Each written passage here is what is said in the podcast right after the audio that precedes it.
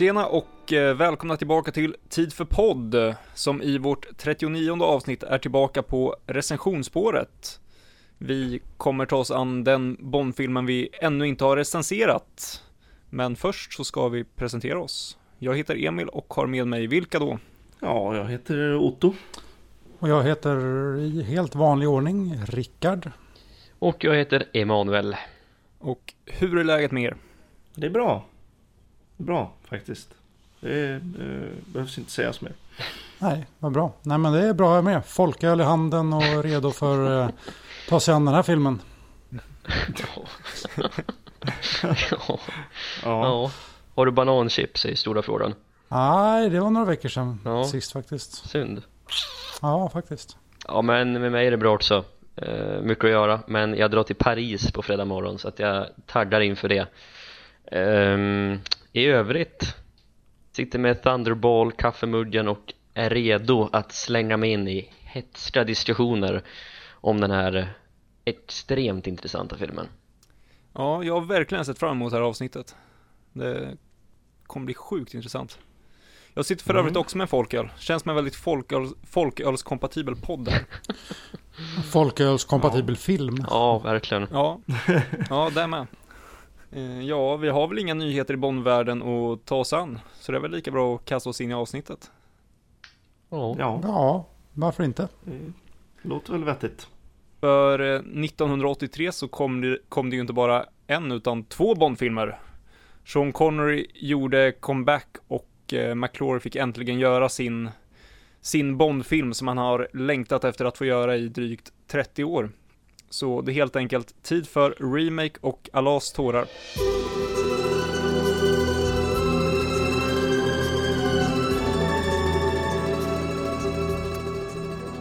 Och den första frågan att ställa oss innan vi går in och börjar diskutera filmen och sådär, det är väl kanske hur förhåller vi oss till filmen? För jag känner att det finns ju en anledning till att vi inte recenserade den samtidigt som vi recenserade de andra filmerna. Så hur, hur ser ni på filmen och förhåller er till den i förhållande till Eons eh, serie? Alltså den känns ju inte som en del av, av serien för mig. Om man ska säga att den serien är, är serien med stort S. Så känns den ju inte, eh, jag har aldrig sett den som en del av den serien. Faktiskt. Eh, ja, det är väl det. Jag tycker den saknar ganska vitala delar för att den ska vara var med där, för mig i alla fall. Som Bond-temat och Gun Barrel till exempel. Um, så tycker jag den är, ja, nej den känns inte som en, att den skulle passa in där i, i serien om man säger så.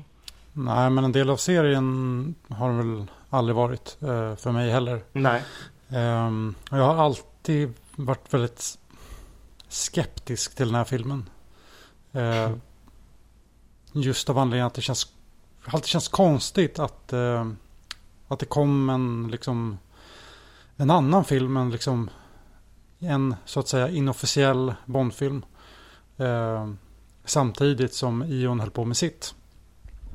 Eh, för att jag vet inte, jag har varit väldigt eh, lojal mot Ion på något sätt i sitt tänk. Eh, har i alla fall jag varit. och eh, Men på senare tid, eller i alla fall när vi har diskuterat i podden så har jag börjat liksom ändra lite uppfattning. Jag har fått lite mer kunskap om McLaury och allt som har hänt runt omkring. Eh, och ja, han har ju rättigheterna till boken. Eh, så att eh, han har ju rätt, hade rätt att göra den där filmen. Så det är, det är ju egentligen så är det ju inte en inofficiell Bondfilm. Det är en Bondfilm. Den råkar bara inte vara en del av Ions serie. Um, så det har varit spännande att liksom få eh, återupptäcka den här filmen eh, genom lite andra glasögon. Ja, alltså när jag tänker på Bond-filmerna och sådär rent allmänt så känns ju filmerna som en del i en familj typ och Never Say Never Again har ju aldrig tillhört den den har ju alltid varit utanför lite som en utböling som liksom tittar in på den härliga familjeträffen typ när de Bondfilmerna står tillsammans i, i min hylla den, när jag tänker på Sean Connery så i min värld så slutade han vara Bond 1971 och sen kom jag på, äh just det, ja. han kom tillbaka faktiskt 12 år senare och gjorde den här filmen. Eh, mm. som vi kommer, eller som kommer nämna om en stund så såg jag den här filmen väldigt tidigt i mitt Bondintresse. Och den blev därmed rätt naturlig. Men med åren så har jag glömt bort den här filmen i princip helt och hållet. Och innan vi såg den förra sommaren så hade inte jag sett den på ja kanske 8-9 år säkert Åh jävlar. Ja. Ja, för det, den hade liksom bara fallit i glömska helt och hållet Men jag tror att den här filmen har setts mer inofficiell förut än vad den kanske gör idag Särskilt nu när vi börjar närma oss tider då fler produktionsbolag får göra Bondfilmer Så om, säg 30-40 år så kanske Never Say Never Again inte kommer ses som en anomali längre utan bara som en Bondfilm Jag tror att det var kanske åtta år eller någonting för mig med när vi såg den, som jag inte hade sett den. Och Bortglömd är väl lite där den är för mig med. Den film jag i stort sett aldrig tänker på. Jag tänker inte ens på att den existerar. Om någon frågar hur många Bondfilmer det finns så säger man ju 24 Bondfilmer. Man tänker aldrig ens på att säga 25 Bondfilmer. Eh, så Ja, bortglömd är den ju definitivt för mig. Men likväl så är det ju Mm. en Bondfilm. Absolut. Eh, Och den måste ju också ses som en Bondfilm någonstans. För som sagt, han hade rätt att göra den. Eh, Och ja, han hade ju rent av ensamrätt till att göra Thunderball. Ville Eon göra en Thunderball remake så skulle de inte få göra det ens. Eh, Och intressant nog så pågår ju faktiskt ett ehm, en rättegång om det här i USA. Mm. Därför att Eon släppte ju en box för inte allt för länge sedan. Eh, som då en samling på alla Bondfilmer. Och det var lite så man marknadsförde med att det här är en komplett samling med alla Bondfilmer. Mm. Men den saknar Never Say Never Again och eh, Casino Royale från 67. Och eh, det där eh, tyckte inte en eh, konsument om. Så just nu så pågår det faktiskt en twist om det där i USA. Hur kommer det gå tror du? Eh, ingen aning, jättesvårt att säga. Av det jag läste, eh, jag läste ju den här, um, det var inte riktigt en dom, men beslutet där de, eh, där de liksom släppte fram det och lät det gå till en rättegång, så tycker jag, läser man det så, ja, det känns som att Eon kan åka dit alltså. Ja, Ja. Ja, det är intressant det, där- det du nämnde Emil, att jag tänker mer på Casino Royale från 67 om vi snackar inofficiella Bondfilmer än när jag tänker på Never Say Never Again och det är för att den från Ja. 67 den är ju så, den är ju så konstig bara så att man kommer att tänka på den av fel orsaker Never Say Never Again den bara den existerar i- sin inexistens, eller hur säger man? Den existerar i sin icke-existens, kan man säga så? Ja, det kan Ja. vara säkert. Då säger jag så Ja, den, är ju, den flyter ju runt i någon slags tomrum som ingen tittar i liksom. Det, ja, men det känns ju lite så. Casino Royale från 67, den sticker ju ut verkligen. Och gör att folk faktiskt hajar till. Ja, men jag menar det faktum att eh, Casino Royale, eh, när den släpptes på Blu-ray så slä, gjorde man en dokumentär om det och ja, lite sådär kringmaterial. Mm. Det har man aldrig gjort till Never Say Never Again. Vilket jag inte riktigt förstår. För det kom ju en eh, 30-årsjubileum Blu-ray eh, 2013 Mm. blir det då. Mm. Det finns inget extra material. Ja, den har ju, den har ju kommentarspår från regissören Ja, men ja, har den det? Ja, okej. Det har jag missat. Men för jag, för jag har letat runt efter dokumentärer nämligen och inte dykt på någonting. Jag tror att det har att göra med att Eon vill inte ta i den här filmen med tång. Eh, Vic Armstrong som jobbade på den här filmen och som sen skulle jobba som second unit eh, regissör på Brosnans filmer. Eh, han sa det att när han, alltså Barbara och Michael G. Wilson, de vägrade ens diskutera det. Han sa att så fort han ens lyfte någonting om hans upplevelse, upplevelse på Never Never Again så sa de Don't swear in front of us. Det var liksom, de, de ville inte prata om det överhuvudtaget. Nej. Jag kan förstå Men men. Eh, ska vi eh, ta och gå vidare där och ta vårt första minne? Jävlar vad trevligt alltså. Jag kommer ihåg att jag hade den här på VHS inspelad. Ehm, och det var också som med Emanuel att jag såg den väldigt tidigt. Det kan ha varit en av de f- fem, sex första jag såg tror jag. Ehm, och jag tyckte då att den var eh, häftig och bra liksom. Jag hade den inspelad från TV3 med den här guldiga 003-loggan i, i högra hörnet. Ehm, och så hade jag den inspelad och så lånade jag ut den till en kompis i, i skolan. Och fick aldrig tillbaka den och blev skitledsen. Ehm, vilket jag i efterhand borde blivit ganska glad för att jag tappade bort den. Men ehm, ja, så det var väl mitt första minne att jag lånade ut den och aldrig såg, såg den igen. så att eh, ja, han var väl schysst mot mig på ett sätt. Om jag tar vidare då, för att eh, jag har väldigt, väldigt starka minnen från den här filmen Som så många andra Bondfilmer och mina första minnen Det känns som att alla Bondfilmer lämnar avtryck eh, Jag minns jag var faktiskt på en marknad Det här var jättetidigt i mitt intresse. Och jag gick som jag alltid gjorde när jag var liten. Jag gick och letade Bondfilmer. Och så hittade jag en enda Bondfilm och det var den här. Och vid den tidpunkten ärvde jag Die Another Day och On Her Majesty's Secret Service. Och sen och Never Say Never Again. Så de tre filmerna roterade ständigt i DVD-spelaren hemma. Eh, en väldigt intressant mix av Bond-filmer. Jag, är- imponerad att jag ens är Bond-fan idag faktiskt det, Ja, det, det är också. det måste vara Secret Service som höll vid mitt liv. Eh, så att jag såg den ofta. Och jag minns jag tyckte introt var råhäftigt. Jag, har, jag minns inte så att låten, alltså jag, när vi såg den förra sommaren så hajade jag till att låten var där för jag minns inte att låten var där, jag minns bara hur häftigt det var att se Sean Connery springa runt för det var det första jag såg med Sean Connery. Och särskilt Sean Connery som Bond så att eh, det lämnade avtryck. Men sen som sagt gick det flera år innan jag såg den igen. Och det var på grund av att jag såg andra bättre filmer med honom. Eh, ja, jag går väl till raka motsatsen till dig då och säger att precis som att filmen är bortglömd och att man sällan tänker på det så är mitt första minne till den här Bond-filmen också helt bortglömd. Eh, det enda jag minns överhuvudtaget är att det här var den filmen jag såg sist. Eh, Om man bortser från Casino Real från 67, men den ser inte jag som en Bond-film på det här sättet, på samma sätt som jag inte ser Austin Powers som en Bond-film. Det är ju en parodi på ett annat sätt. Eh, men det här var den sista jag såg och det är väl egentligen det enda jag minns överhuvudtaget. Ja, jag har också suttit tyst här för att jag minns inte heller. Jag, jag hade den inspelad eh, på VHS eh, och mer än så minns jag inte. Den, den eh, inslängd någonstans i mixen av Bondfilmer jag tittade på på tv. Men inga minnen så faktiskt. Eh, tråkigt. Och eh, då tycker väl jag att vi kan ställa frågan till vår expert Rickard Stråle. Kan det finnas någon förlaga till den här filmen? Det tycker jag att ni ska fråga er, för det har jag frågat mig också. Eh...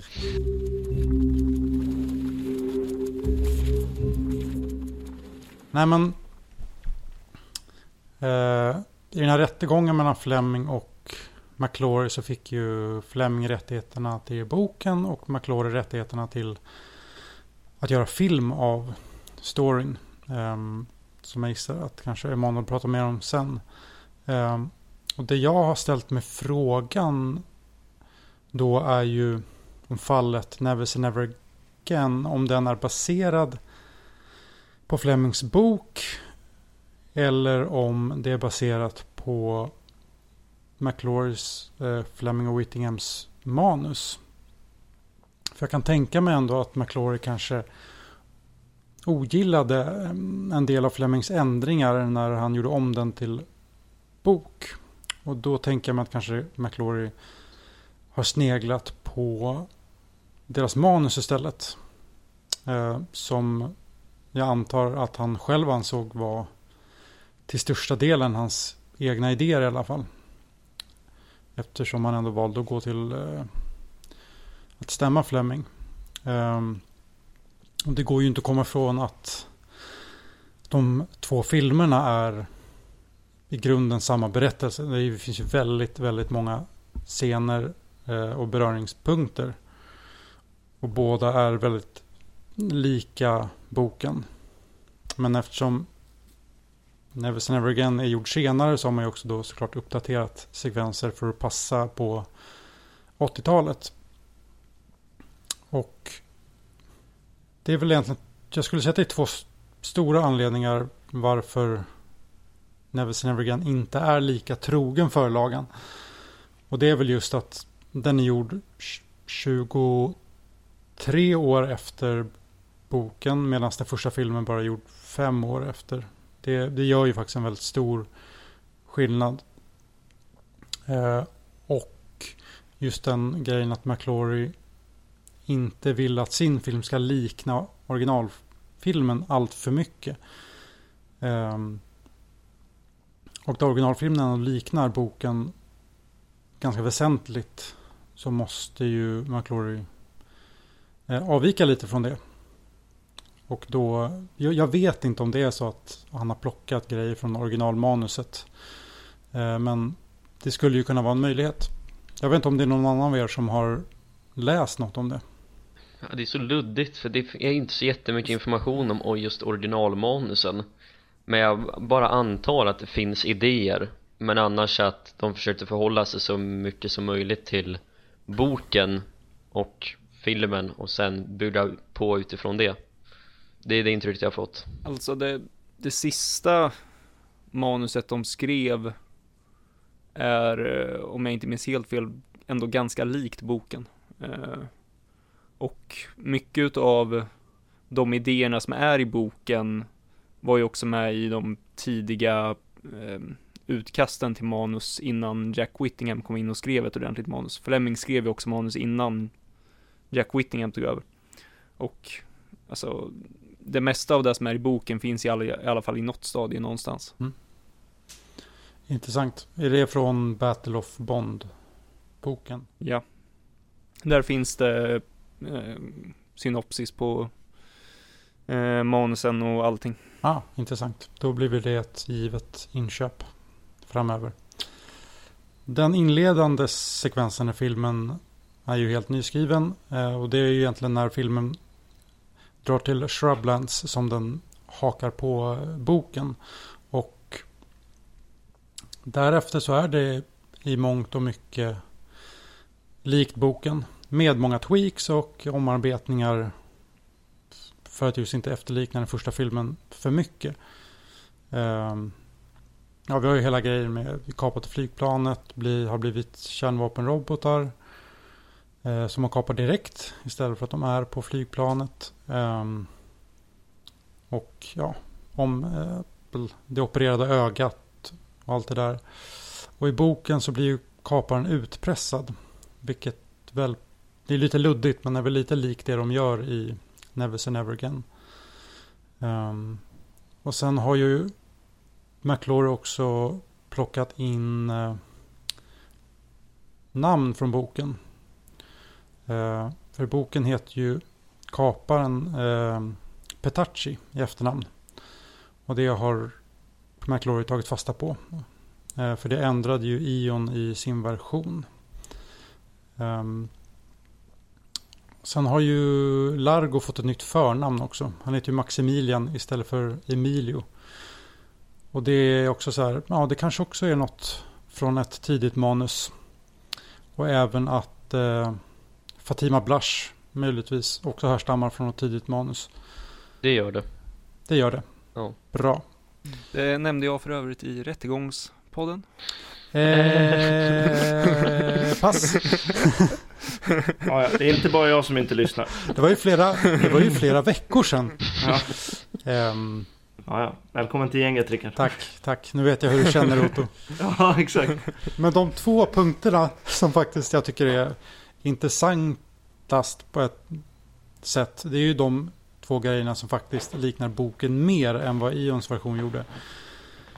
Och det är att i klimaxet så kommer ju Domino och räddar Bond under vattnet. Och det är precis som i boken. Ehm, så kommer ju då Domino och harpunerar Largo medan Bond och han slåss på botten. Och sen har ju McLaury återtagit ett ganska intressant faktum också. Från boken och det är att Blofeld inte är number one. Utan att det faktiskt är Largo som är det. Mm. Och det kan man ju fråga sig varför det är Largo som kallas för det. Men ja. Ja, det, det är väl en till grej med i alla fall som man kan plocka med sig lite i klimaxet. Och det är också det att de faktiskt har ubåtar som de eh, använder som utgångspunkt för att mm. attackera Largo. Yes. Eh, Det är ju även i boken och ubåtar fanns ju inte med överhuvudtaget i filmen Thunderball. Nej, det har du rätt i. Ja, men det är ju en rätt tydlig nyinspelning. Eh, så att eh, det är mycket från boken helt enkelt. Uppdaterat, eh, enkelt sagt. Det finns ju, eller fanns snarare en del scener som hade gjort det tydligare att det var en adaption av boken. Till exempel den rätt minnesvärda sekvensen i boken där Bond sitter och pratar med Domino om eh, när de träffas första gången och hon pratar om sina barndomsminnen med mannen på cigarettpaketet eh, Den var faktiskt med i Never Say Never Again men klipptes bort, hela den sekvensen. Jaha. och eh, Spectre-sekvensen i början av Never Say Never Again var ursprungligen längre precis som den är i boken Thunderball eh, så det är de tre sekvenserna jag kommer på som var med och spelades in men som sen klipptes bort Mm, intressant. Då har de ju ändå i liksom något stadium ändå velat få den väldigt lik boken. Ehm, jag har inte så mycket mer att tillägga faktiskt. Då stänger vi boken och och eh, lämnar över till Emanuel för att diskutera produktionen. och vilken produktion det är. Oj oj oj. Eh, här händer det mycket.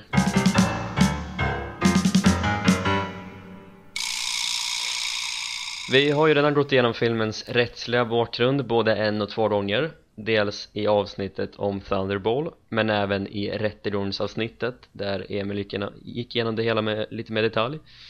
Jag kommer därför bara ta det väldigt snabbt utifall någon antingen har missat det eller kanske inte har lyssnat ehm, Rickard? Ursäkta.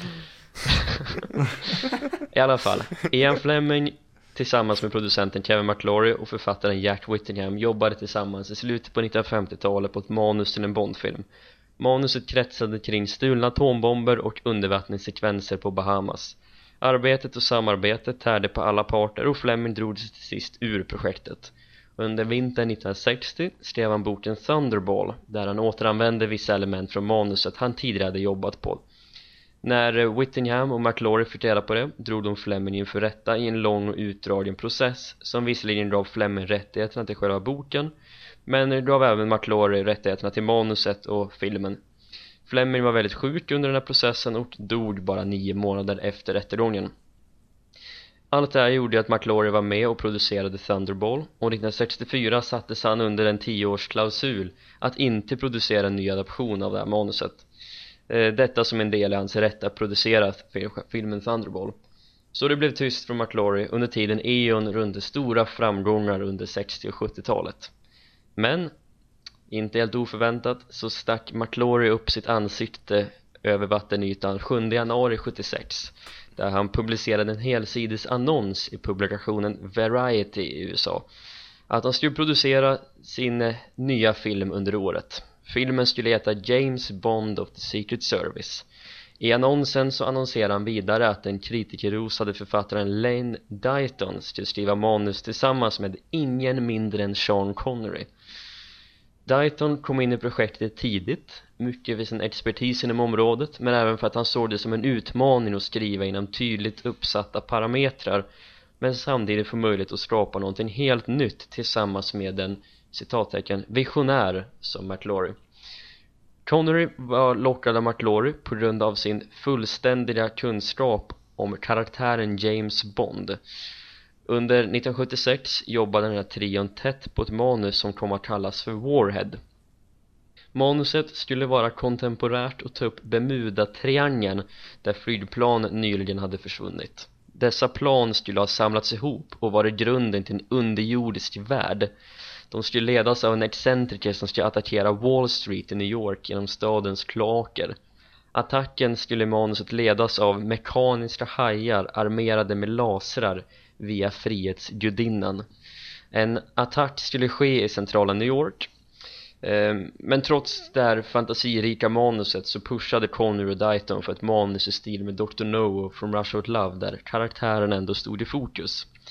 Det här manuset sköts dock inte helt oväntat ner under 1977 av Eon och Danjak mm, tillsammans med United Artists då de egentligen ansåg att de strävade för långt ifrån sin förlaga och därmed utom McLaurys rättsliga innehav. Men McLaury gav sig inte för det.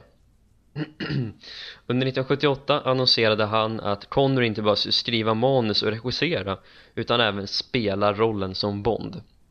Då tillsammans med de minst sagt välrenommerade skådespelarna Orson Welles och Trevor Howard i biroller. Men eh, även där fick hårt eh, motstånd, så pass hårt att de ursprungliga distributörerna Paramount Pictures backade ur. I och med det här lämnade även Connery McLaury. Projektet verkade dödfött. Eon hann släppa Moonraker och slå rekord och dessutom annonsera för Your Eyes Only. De verkade, de verkar gått vidare från McLaury och hans upptåg. Men Irländaren kämpade vidare. Han hade fått nys av att Eon skulle använda Blofeld och Spectre i deras nya manus. Så en ny rättegång stod vid horisonten. McLaury var nöjd och med förnyad entusiasm fortsatte han att leta finansiärer och kreativa krafter till manuset skrivet av Connery och Dighton. Och under 1980 fann det sin väg till produktionsbolaget Lorimar, mest känd för att ligga bakom tv-serien Dallas. En av cheferna på bolaget, en Jack Schwartzman som mest hade jobbat inom den legala verksamheten blev intresserad. Schwartzman var precis den person som McLaurie behövde för att kunna kickstarta sin produktion. Dels för att han hade inflytelserika kontakter inom Hollywood men även för hans långa bakgrund inom det juridiska och skulle därmed kunna vägleda produktionen genom vad de får och inte får göra för att inte hamna i trubbel. Han kom direkt in och tog kontroll han kontaktade Connery, hans nyfunna agent och direkt gav honom total översyn över val av regissör, skådespelare och fotograf. Ett tämligen stort förtroende ge till en skådespelare men Schwartzman visste att utan Connery skulle det inte heller bli någon film. Schwartzman och McLaury åkte runt i världen för att hitta distributörer. I de stora marknaderna runt om i världen blev det Warner som plockade rättigheterna och under den här tiden då så kastades det tidigare manuset ut som var skrivet av Dighton och Connery. Då det fortfarande egentligen var föremål för en potentiell rättslig sak och de här då började på en ny kula då de hade en stark finansiär i ryggen och Connery ombord igen. In kom manusförfattaren Lorenzo Semple Jr inte ett namn man skojar bort. Känd för att ha skrivit manus till 1960-talets tv-serie med Batman men även för att skriva riktiga nagelbitare såsom Papillon och Three Days of the Condor. Schwartzman ville ha en film som låg i mitten av dessa. Även eh, Semple såg manusprocessen som en rätt rolig utmaning. Eh, något som är värt att tillägga är väl att Schwartzman var den som i det här stadiet var producenten. McLaury han gjorde inte så mycket utöver att äga rättigheterna. Och eh, därav fick han egentligen den hedersvärda titeln som exekutiv producent den största förändringen som de vågade ta var att spela upp Bonds ålder och eh, mot ett betydligt yngre och mer modernt MI6 i övrigt följer filmen sin förlaga i stora drag som vi har tagit upp. Nu var det dags att leta efter regissör. Sean Connery föreslog Richard Donner som var mest känd som regissör till Superman-filmerna. Han tackade nej då han inte tyckte manuset var något vidare. Schwartzman föreslog Terence Young och Peter Hunt som båda tackade nej för att de kände sig för lojala till Eon och Cubby Schwartzman och Connery träffade sen amerikanen Irving Kershner mest känd för att ha regisserat Empire Strikes Back. Båda ansåg att han kunde styra en film på den här nivån men samtidigt bidra med en tydlig artistisk flärd i samma veva plockades den välrenommerade filmfotografen Douglas Slocombe ombord. En man som hade varit aktiv sedan 1950-talet men som nu senast hade filmat eh, Raiders of the Lost Ark till exempel. Och i det här läget då när castingen var igång och teamet letade inspelningsplatser började stämningen bli minst sagt bitter. Schwartzman bråkade med Kirchner som i sin tur bråkade med Semple som i sin tur var i luven med Connery. Stämningen var som sagt dålig och hjälptes inte av att manuset var långt ifrån färdigt. Semple Jr lämnade produktionen och in plockades istället den unga brittiska duon Dick Clement och Ian LaFranay dels för att binda ihop handlingen men även för att infusera humor och för att försöka bygga ut karaktärer. I efterhand har de sagt att det var skönt att komma in i ett projekt och veta att man inte var ansvarig för all skit för en gångs skull men att man kanske kunde göra något åt det för att plocka upp det.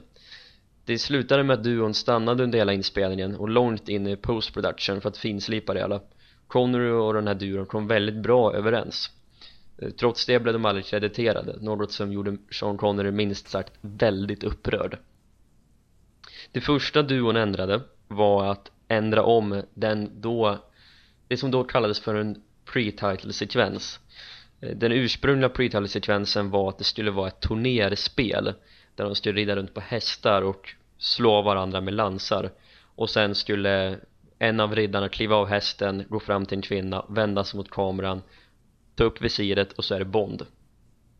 Och eh, Dick Clement och Elin Frenay sa egentligen. Vad fan ska vi ha om vi, vad fan ska vi ha Bond för i en riddarrustning? När den enda anledningen till varför filmen finns är för att det är Connery varför ska vi då gömma honom under en hjälm? Så det strök de och så körde de istället det som blev titel, eller för titelsekvensen då. När det kom till casting så valde Connery Klaus Maria Brandauer att spela skurken Maximilian Largo och Barbara Carrera valdes att spela Fatima Blush Kim Basinger valdes för att spela Domino Pitachi efter att Connery och hans fru hade träffat henne på ett hotell i London. Connery valde Bernie Casey till att spela Felix Leiter något som minst sagt upprörde vissa. Inspelningen startade formellt den 27 september 1982 på kasinot i Monte Carlo men problemen fortsatte. Clement och Lefranay var ständigt med och skrev ny dialog och nya scenarion för att passa hur filmens utveckling fortskred Kirchner gav skådespelarna fria tyglar att spela fritt vilket skapade huvudbry för författarna som märkte att vissa dialoger och scener då istället inte passade med scener som skulle komma sen. Vid ett tillfälle frågade författarduon Kirchner varför är Bond egentligen på Bahamas? Det finns ingen scen som förklarar det. Kirsten hade då svarat Ja ah, just det, det stämmer grabbar. Spring iväg och skriv ihop något så filmar vi det sen. De flesta i produktionen ansåg att Kirsten hade tagit sig vatten över huvudet och hade helt enkelt tappat fotfästet och den som tidigare var filmens starke man, Gert Schwartzman, sågs inte till Faktum är att han spelade merpart, han spenderade merparten av filmens produktion på Bahamas Faktum är att det var Connery och andra regissören David Tomblin som översåg mycket av det dagliga arbetet. För Connery var detta inte bara ett projekt han ville överse utan det var även hans comeback i många avseenden. Hans karriär hände på den här filmen efter ett ganska svajigt 70-tal. Så när de åkte till Bahamas under vintern 82 så eh, fortsatte problemen. Eh, hajar dog i undervattenssekvensen och actionscener klipptes bort i förmån för dialogsekvenser som också klipptes bort. Vid det här laget pratade inte längre Connery med varken Schwartzman, McClory eller Kirchner. Det som tidigare var filmens höjdpunkt hade blivit en liten del i handlingen eftersom att sekvenserna i Frankrike hade tagit större tid av inspelningen än väntat. Um, filmens inspelning avslutades med klimaxet som spelades in i London. Även där förändrades så pass att stora delar av kulisserna som byggdes inte behövde användas. Så när filmen visades för första gången för produktionsteamet och lamporna tändes i salongen så satt författarduon och sov de eh, tyckte filmen var helt enkelt jättedålig och vid det här laget så var filmen långt över tre timmar utan logik och minnesvärda scener Connor var rasande han eh, gick in i klipprummet och var med och klippte filmen. Och till sin hjälp så tog de Norman Waldstall den pensionerade judemannen från de tidigare Bondfilmerna. Han jobbade som dubbing supervisor. Hans jobb var alltså att överse eh, att ny dialog kom in. Och även här fick Clement och Lefgener jobba frenetiskt för att komma på en ny dialog som skådisarna fick dubba in för att förklara scener som hade klippts bort under sommaren 83 åkte Connery tillbaka till Bahamas för att spela in lite fler scener. Och dessa översåg han helt själv. Klippningen blev precis färdigställd innan den stora världspremiären 6 oktober 1983 i Los Angeles. Första helgen drog den in drygt 9,7 miljoner, då ett sanslöst rekord. Faktum är att det då var den största höstpremiären någonsin. Connerys återkomst hade betalat av sig. I USA blev filmen ett fenomen under ett kort tag. Men i England och i resten av världen var den dock inte alls så stor. I slutändan drog den in 159 miljoner dollar på en budget på 36 miljoner dollar.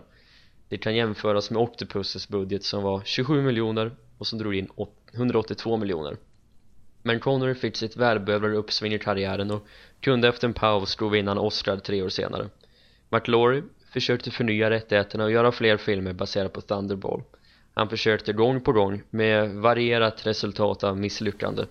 Han försökte fram till sin bortgång 2006 Never Say Never Again visade kanske också att det krävs mer än Sean Connery och lite pengar för att göra en framgångsrik Bondfilm.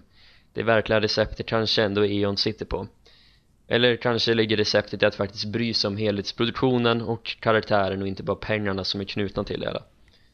Och eh, många ser filmen som ett misslyckande som aldrig bör upprepas men eh, nu när vi närmar oss att rättigheterna blir allmänna kanske det blir fler sådana här kaosartade produktioner och filmer som ingen vill komma ihåg. Tack för mig. Alltså den här, den här produktionen alltså. Jag tycker ändå lite synd om eh, Kirchner i allt det här. Eh, för någonstans var det ju liksom läger där det var Schwartzman på ena sidan, Connery på andra sidan och sen satt Kirchner i mitten och försökte att få det att funka. Samtidigt som det var en produktion som inte funkade överhuvudtaget. Han pratade ju, han, han drog en parallell till Empire Strikes Back där det liksom är 65 monster sets. Men han sa att en sån stor produktion var det liksom inga problem för allting var välplanerat. Eh, produktionen liksom sköttes professionellt, de byggde saker i tid, allting liksom var punktligt och då kunde han som regissör bara gå in och göra sitt jobb. Här kunde han inte det, för och han var alltid tvungen att liksom kompromissa med eh, Schwartzman och Schwartzman hade filmbolaget bakom sig så det slutade ju inte med att det slutade med att det inte blev några kompromisser utan att alla Kirchners idéer bara ströks. Så Kirchner som regissör och med det vi pratade om i Teknikpodden med vad en regissör ska göra så är det ju inte så mycket hans film. Hans vision för vad den här filmen skulle vara är ju inte där. Nej, han kom in sent och han, han gjorde egentligen det enda han kunde göra vilket var ställa upp skådespelare här och där och ställa upp kameran. Sen fick inte han göra mer. Man kan inte beskylla honom mm. för att filmen blev som den blev. Samtidigt så uh, kanske till och med bra någonstans för Kirchner, vad jag läst mig till, läst mig till eh, hade ju inget intresse av Bond mm. överhuvudtaget. Han sa, han sa, han hade bara sett om det var två filmer, Dr. No och From Russia With Love. Och de gillade inte. Nej, exakt, han gillade inte dem, han tyckte att Bond-filmerna var mm. värdelösa typ. Han hade inget intresse av Bond överhuvudtaget och han, det sista han ville göra var i stort sett att göra en typisk Bond-film. Han ville göra någonting helt annat och eget. Bra val av regissör. Ja. Kan man tycka, om Sean Connery nu ville göra något som lutade åt Dr. No from Russia with Love så är det lite speciellt att ta in en som inte gillar de filmerna. Ja, just det där Schwartzman, han hade ju ingen, han hade ju ingen erfarenhet inom produktionsbiten men han trodde att han hade det så han styrde ju runt och kom med förslag som inte alls funkade så han är väl egentligen den största boven om man får kalla det till varför den här filmen blev som den blev Ja, det är ju bara kaosartat överallt. Ett manus som ja, skrevs om konstant, inte bara lite, lite dialogscener utan manuset i grunden fanns ju inte där överhuvudtaget utan lappades och lagades genom hela produktionen. Dåligt planerat, allt gick över budget, allt var bara kaos. Det är just intressant det där att vi har ju haft ett par kaosartade produktioner i den officiella serien. Tomorrow Never Dies kom ju som ett exempel men aldrig har det varit så dåligt planerat som i Never Say Never Again Eon har ändå de har ändå en väloljad maskin bakom så har de problem med manus kan de ändå reda ut det. Det kunde de inte här för de hade ett, ett gäng stolpskott som sprang runt och inte visste vad de skulle göra. Finns en uh, lite smårolig grej uh, som um, manusförfattarna Dick eh, Clement och uh, Ian Lafrenet eller vad fan han heter. De sa det att varje kväll på, när de var i Bahamas, så var det alltid ett, eh, ett möte där de i stort sett frågade sig själva, vad håller vi på med? Och så var det alltid liksom en massa, ja, gurgel och liksom, ja, tjafs. Och då eh, gick eh, de därifrån och sa, ja men vi går och fixar eh, bord till middagen. Så då gick de till restaurangen, satte sig vid ett bord och så beställde de in en flaska vin och började dricka och sen satt de och väntade på vem det var som skulle komma först. Och de, om de sa det var nästan alltid Sean Connery som kom mm. först. Och någon gång så hade Sean Connery kommit in och sagt Bloody Mickey Mouse outfit ja, men, Grejen var att Schwarzman han var ju också väldigt rädd för Connery så han vågade ju aldrig möta honom ansikte mot ansikte utan Schwarzman han eh, styrde ju via PM så han skickade sina assistenter och föra runt med hans idéer men han kunde mm. aldrig ta en diskussion med Connery för han visste att Connery kunde bli förbannad och göra något hemskt med honom ja. och det var just det att Connery utan honom hade det inte blivit någon film han var ju väldigt mån om att få sin comeback det är så himla synd att höra om de här strulen när man samtidigt hör om Sean Connerys vision om något mer avskalat, något som ska efterlikna de tidiga Bond-filmerna eh, utan massa ja, teknik och action. Det är ju det, är det jag går och väntar på varje dag. Um, det hade varit spännande att se en film, um, en Never Say Never Again, som faktiskt blev det istället för det vi fick. För jag tror att det hade kunnat bli väldigt, väldigt bra. Ja, det tror jag med. Ja, verkligen. Men eh, mitt i allt det här kaoset så kom det ju faktiskt en film och den tycker jag att vi börjar prata om nu.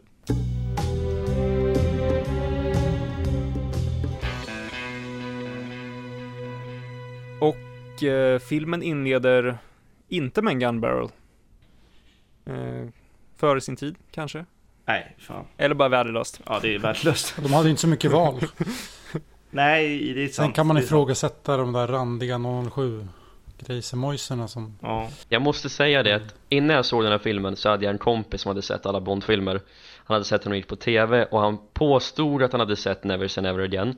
Och han sa att den här filmen öppnade med att Sean Connery kom i kilt med en AK47 i en gunbarrel sekvens och la sig på mage och sköt.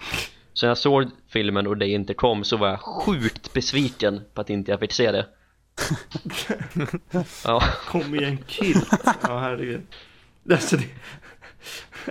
ja, men det är ju ändå en uh, inledningssekvens och en låt samtidigt. Vi kan väl uh, hålla isär det lite kanske uh, och börja lite med det vi faktiskt ser. Uh, som jag ändå tycker är en häftig sekvens och ett bra sätt att inleda filmen. Sen ja. hade det kanske varit ännu snyggare om det var en riktig inledningssekvens utan en låt över, men jag tycker själva sekvensen i sig är snygg. Ja, verkligen. Ja, det känns ju inte som någonting som sticker ut för mig. Eh, ja, varken negativt eller positivt. Mer positivt i så fall. Den känns ju rätt så här, ja, standardmässig, eh, hyfsad bra scen liksom. Det som jag har lite problem med, jag tycker att eh, den är lite så här eh, skitiga miljön och eh, Bonds kläder. Det är no någonting som jag inte riktigt tycker klickar tillsammans med Connery. Det är kanske för att det är ovant. Tidigare så har vi bara sett Connery som en, en väldigt elegant Bond och det här är ju något helt annat. Um, lite mer, ja, nästan Dalton-aktigt i utförandet. Så att jag blir mm. alltid lite ställd av den här inledningen. För att det är inte vad jag förväntar mig av Connery Bond. Det är det jag gillar. Alltså jag är väldigt svag för den här öppningssekvensen. Jag tycker den är härlig. Att den är lite ruffig och lite smutsig. Och det är en kontrast mot eh, Eons film de kom i samma år som är väldigt mycket motsats till det här. Och eh, det, den är skönt brutal på något sätt och det är våldsamt och det är ändå bra action när Bond springer runt och skjuter lite och smyger och, och slåss. Det är en härlig uppdatering och just den här sekvensen visar lite vad filmen hade kunnat varit om Connery fick sin version igenom. Mm. Jo, men jag håller med. Jag, jag gillar den också i sin kontext när vi sen får reda på att det bara var en övning. Att ja, men Bond är lite äldre, det här är bara en övning. Alltså, jag, jag tycker det är ett smart sätt att inleda filmen och börja presentationen av den här nya och kanske uppdaterade mm. Bond på något sätt. Eh, men låten då? Vi kan väl ta och lyssna lite på den.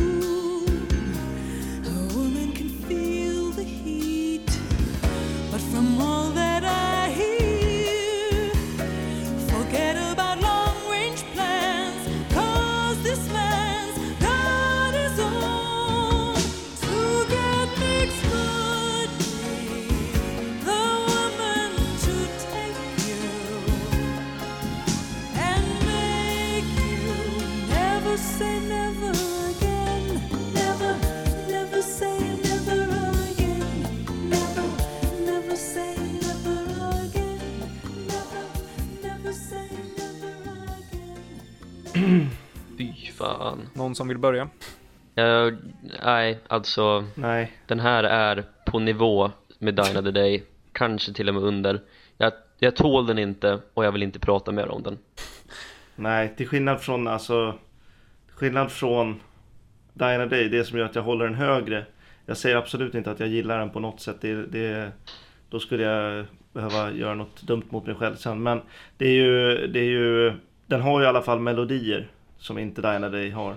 Tycker jag. Och den har ändå flera melodier som ändå är ja, sådana som man kan liksom urskilja som melodier. Men eh, sen, sen är det liksom inte mer. den, är, den är riktigt, riktigt, riktigt lökig.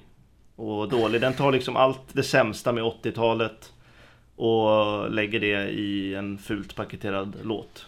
Så blir det Never Say Never Again. Liksom. Så att nej, det är, det, är, det är bajs. Den har ju melodier, men melodierna är tråkiga, den, intet, den är intetsägande, den Mm. pipig och konstig röst. Eh, Ja. jag håller den på samma nivå som Another Day, vilket ändå innebär att den är inte sämst, för det finns en låt som är sämre, som är Another Way To Die, som vi absolut inte ska prata om. Men den här låten är, ja, den är värdelös. Ja, det är den. Och eh, det stora problemet är, Rickard bara stämmer in i hyllningskören eller sågningskören. ja, men det stora problemet är att den är så extremt malplacerad. Och, alltså det, det matchar ju inte någonting vad som händer.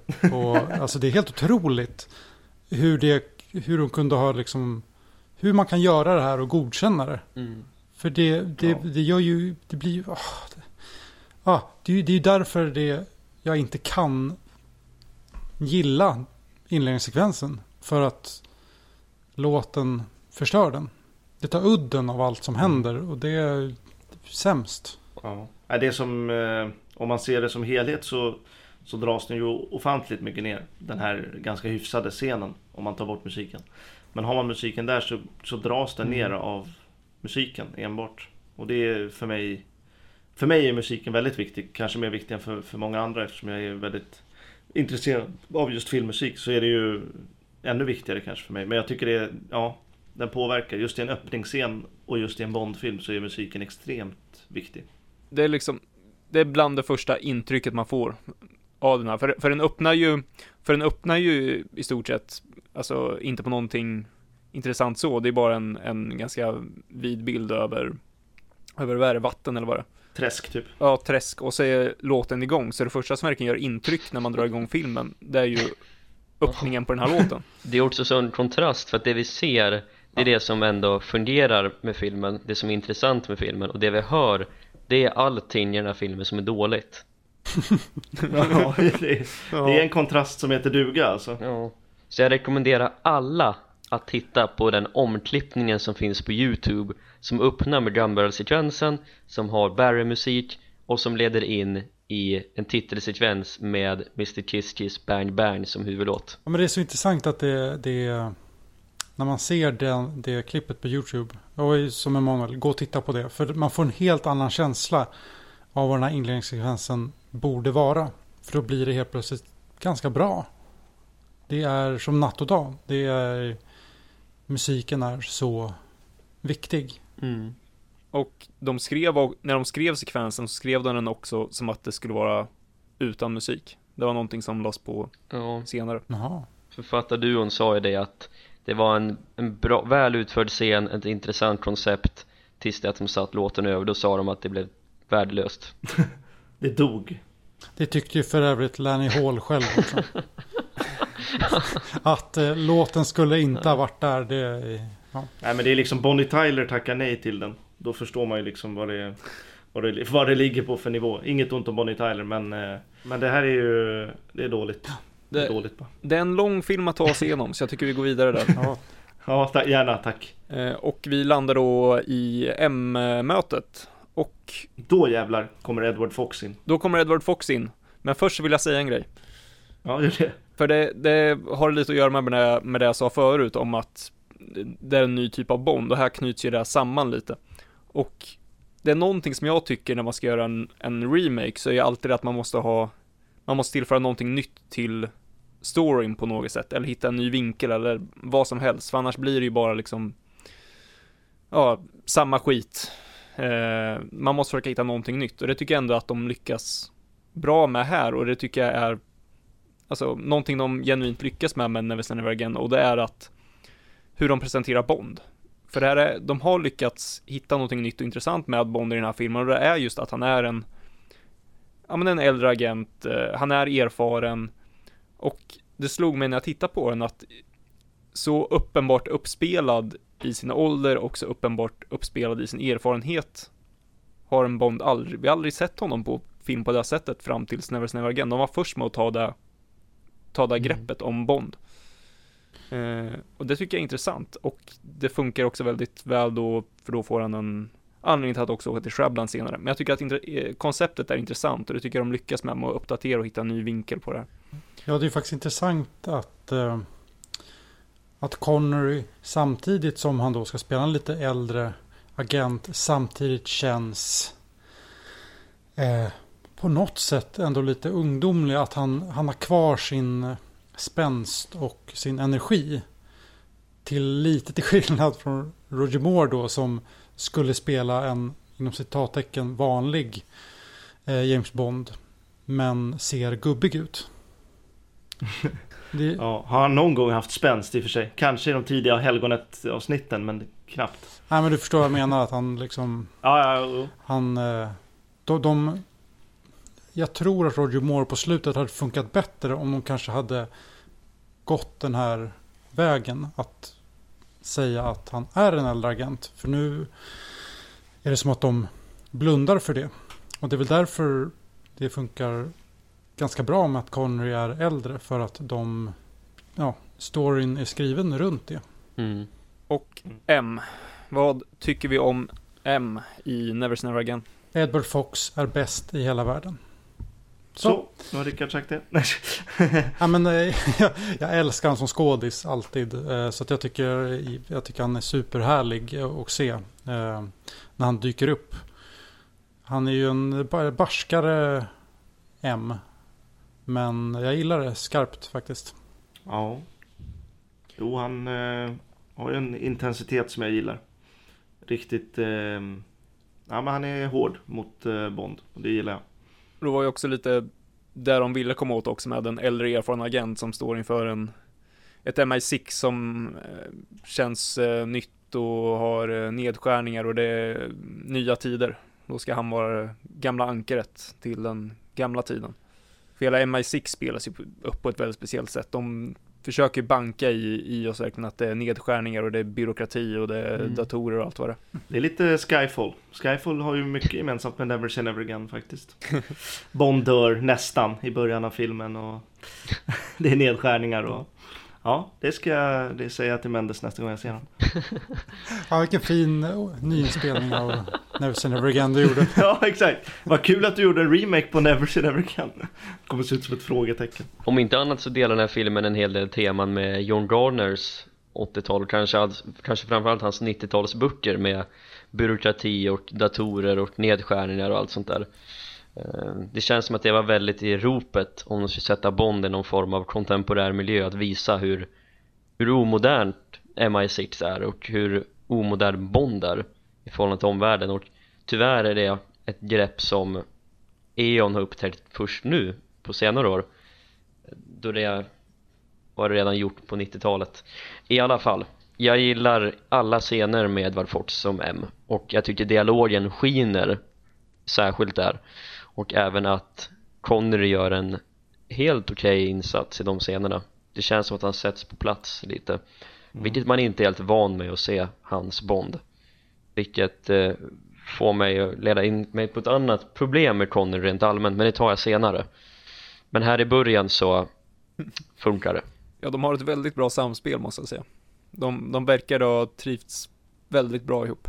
Ja, men annars någonting jag tänkte på i de flesta in, interiörscenerna i den här filmen så är det väldigt speciella kulisser.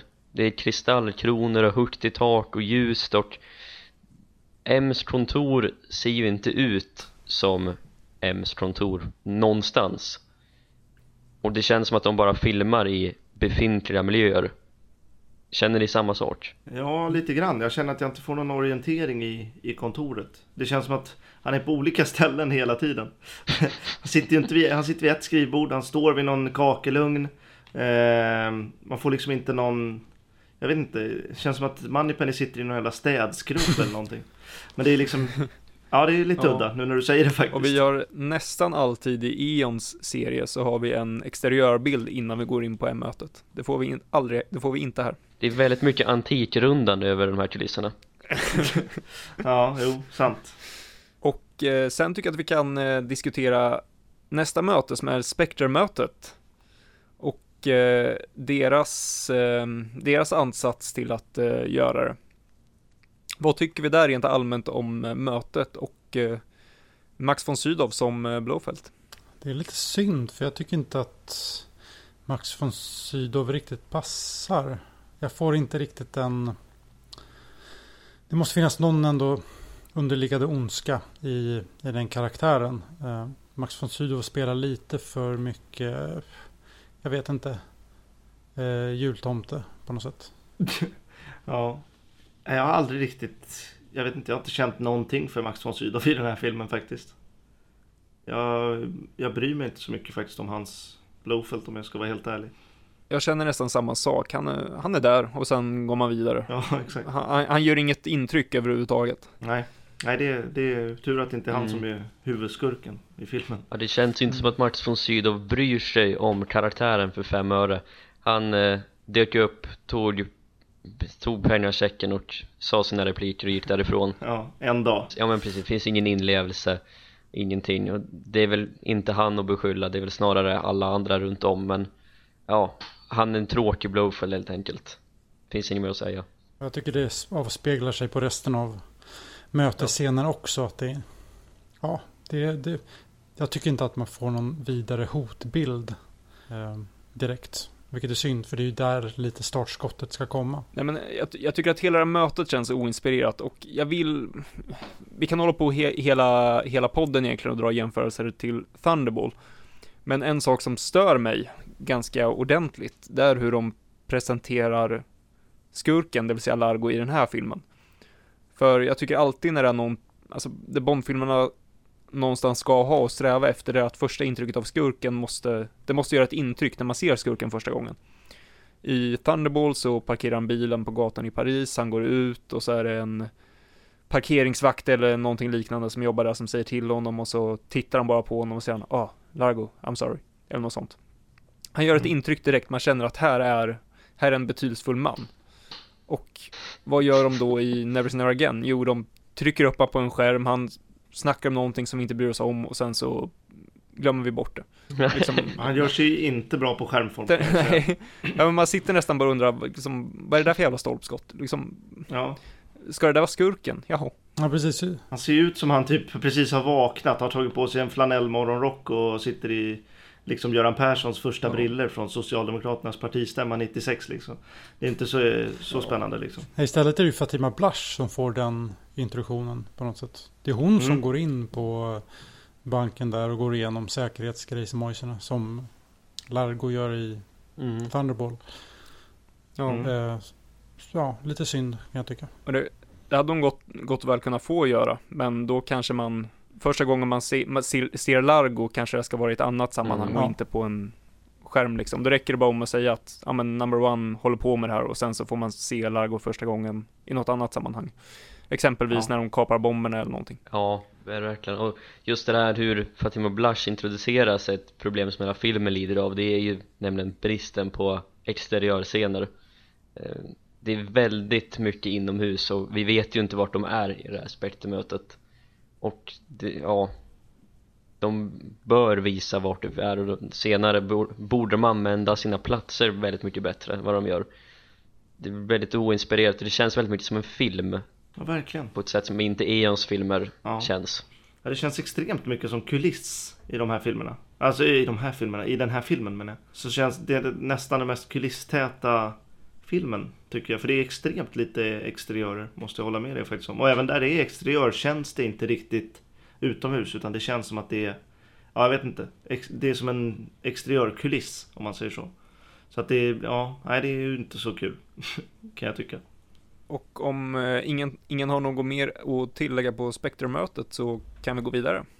För då kommer vi till Shrublands. Och vad jag älskar sekvensen då Bond kör in på Shrublands.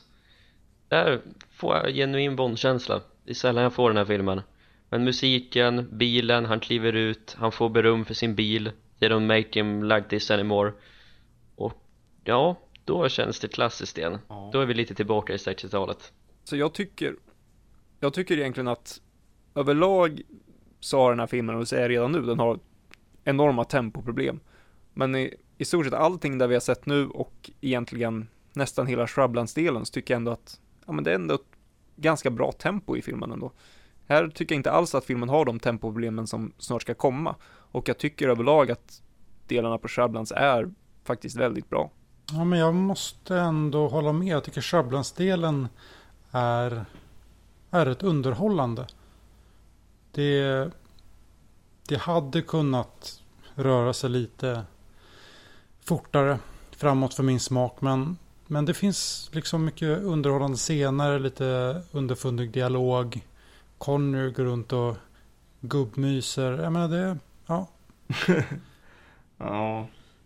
Alltså, ja, jag får lite... Jag tycker att det är lite segt här alltså. Om jag ska vara helt ärlig. Jag tycker det är, det är för mycket gubbmys alltså för min smak. Det är, det är väldigt mycket... Ja, nej, det, det känns, jag vet inte. Jag får lite Mm. så här hälsoresan-vibbar utan att dra några paralleller så. Men det känns väldigt segt och... Eh, så särskilt underhållande tycker jag inte att det är heller med Petacci när han ska testa sitt öga och... Nej, det är ju lite corny. Bond, eh, ja men det är väldigt flummigt och det är, Bond går in där och kollar läget liksom. Just själva ögondelen, att de har gjort om det, ja det är väl lite corny, men jag tycker ändå att den sekvensen är väldigt bra. Åh fan, ja. Bond, Bond smyger runt lite, liksom det är, ja men det är en härlig känsla, jag gillar det. Som jag sa i eh, tv-avsnittet, jag gillar när Bond är på vandrarhem, det är liksom där Bond kan smyga runt lite där och kolla läget, ja vad händer i, det här rummet och ja, coolt. Ja. Jag, jag, jag gillar det. Det. Det jag tycker att filmen faktiskt stannar upp första gången, mm. det är fighten. Ja, ja, precis. Den är så eh, utdragen. Den är jävligt långsam alltså. Och eh, vi har ju pratat mycket i recensionspodden om det här med lågintensiv action. Och jag tycker det funkar om det är exempelvis bil eller båtjakter som vi inte minst ser i Live and Let Die. Men när det är, herregud. alltså, ja. fighter, handgemäng, då vill jag ändå att det måste vara lite tempo. Eh, speciellt så här, liksom, de, de är i fyra, fem olika rum, de promenerar runt lite och det är... Nej, den, den tar jättelång tid, den är extremt utdragen och man hade kunnat klippt ner massor med små grejer för att få den att kännas rappare. Och så att de går Ja. förbi några som sitter och tittar på boxning. Och så jublar de. Aldrig har vi varit i slapstick-område någonsin i Eon-filmerna Men här är vi det Ja, och punchlinen med, med Bonds kiss. Alltså, Ja, ja. Alltså. Det borde ju du tycka var kul Rickard med din track record på humor. ja, men jag gillar bara tennisracket. Ja, okej. Ja. Jag, jag gillar dock när han ramlar ner och man ser glaset i ryggen, jag tycker det är så här härligt brutalt. ja, det ser lite vidrigt ut faktiskt. Det känns ju som att de hade, å ena sidan hade de Connor stod i ett hörn och ville göra lite smyg, gå runt och gör lite detektivarbete, lite From Russia With Love och sådär. Och så har vi å andra sidan Schwartzman antar jag, som vill göra lite som Eon gör, lite humor, lite kul och sådär. Och sen möts de någonstans i mitten och det blir bara katastrofalt dåligt.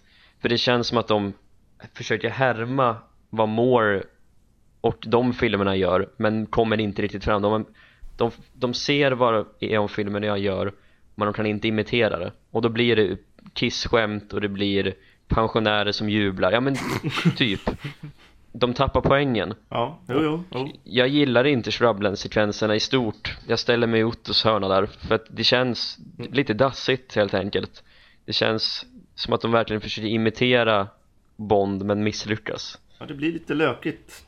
Det är väl det jag tar med mig från det.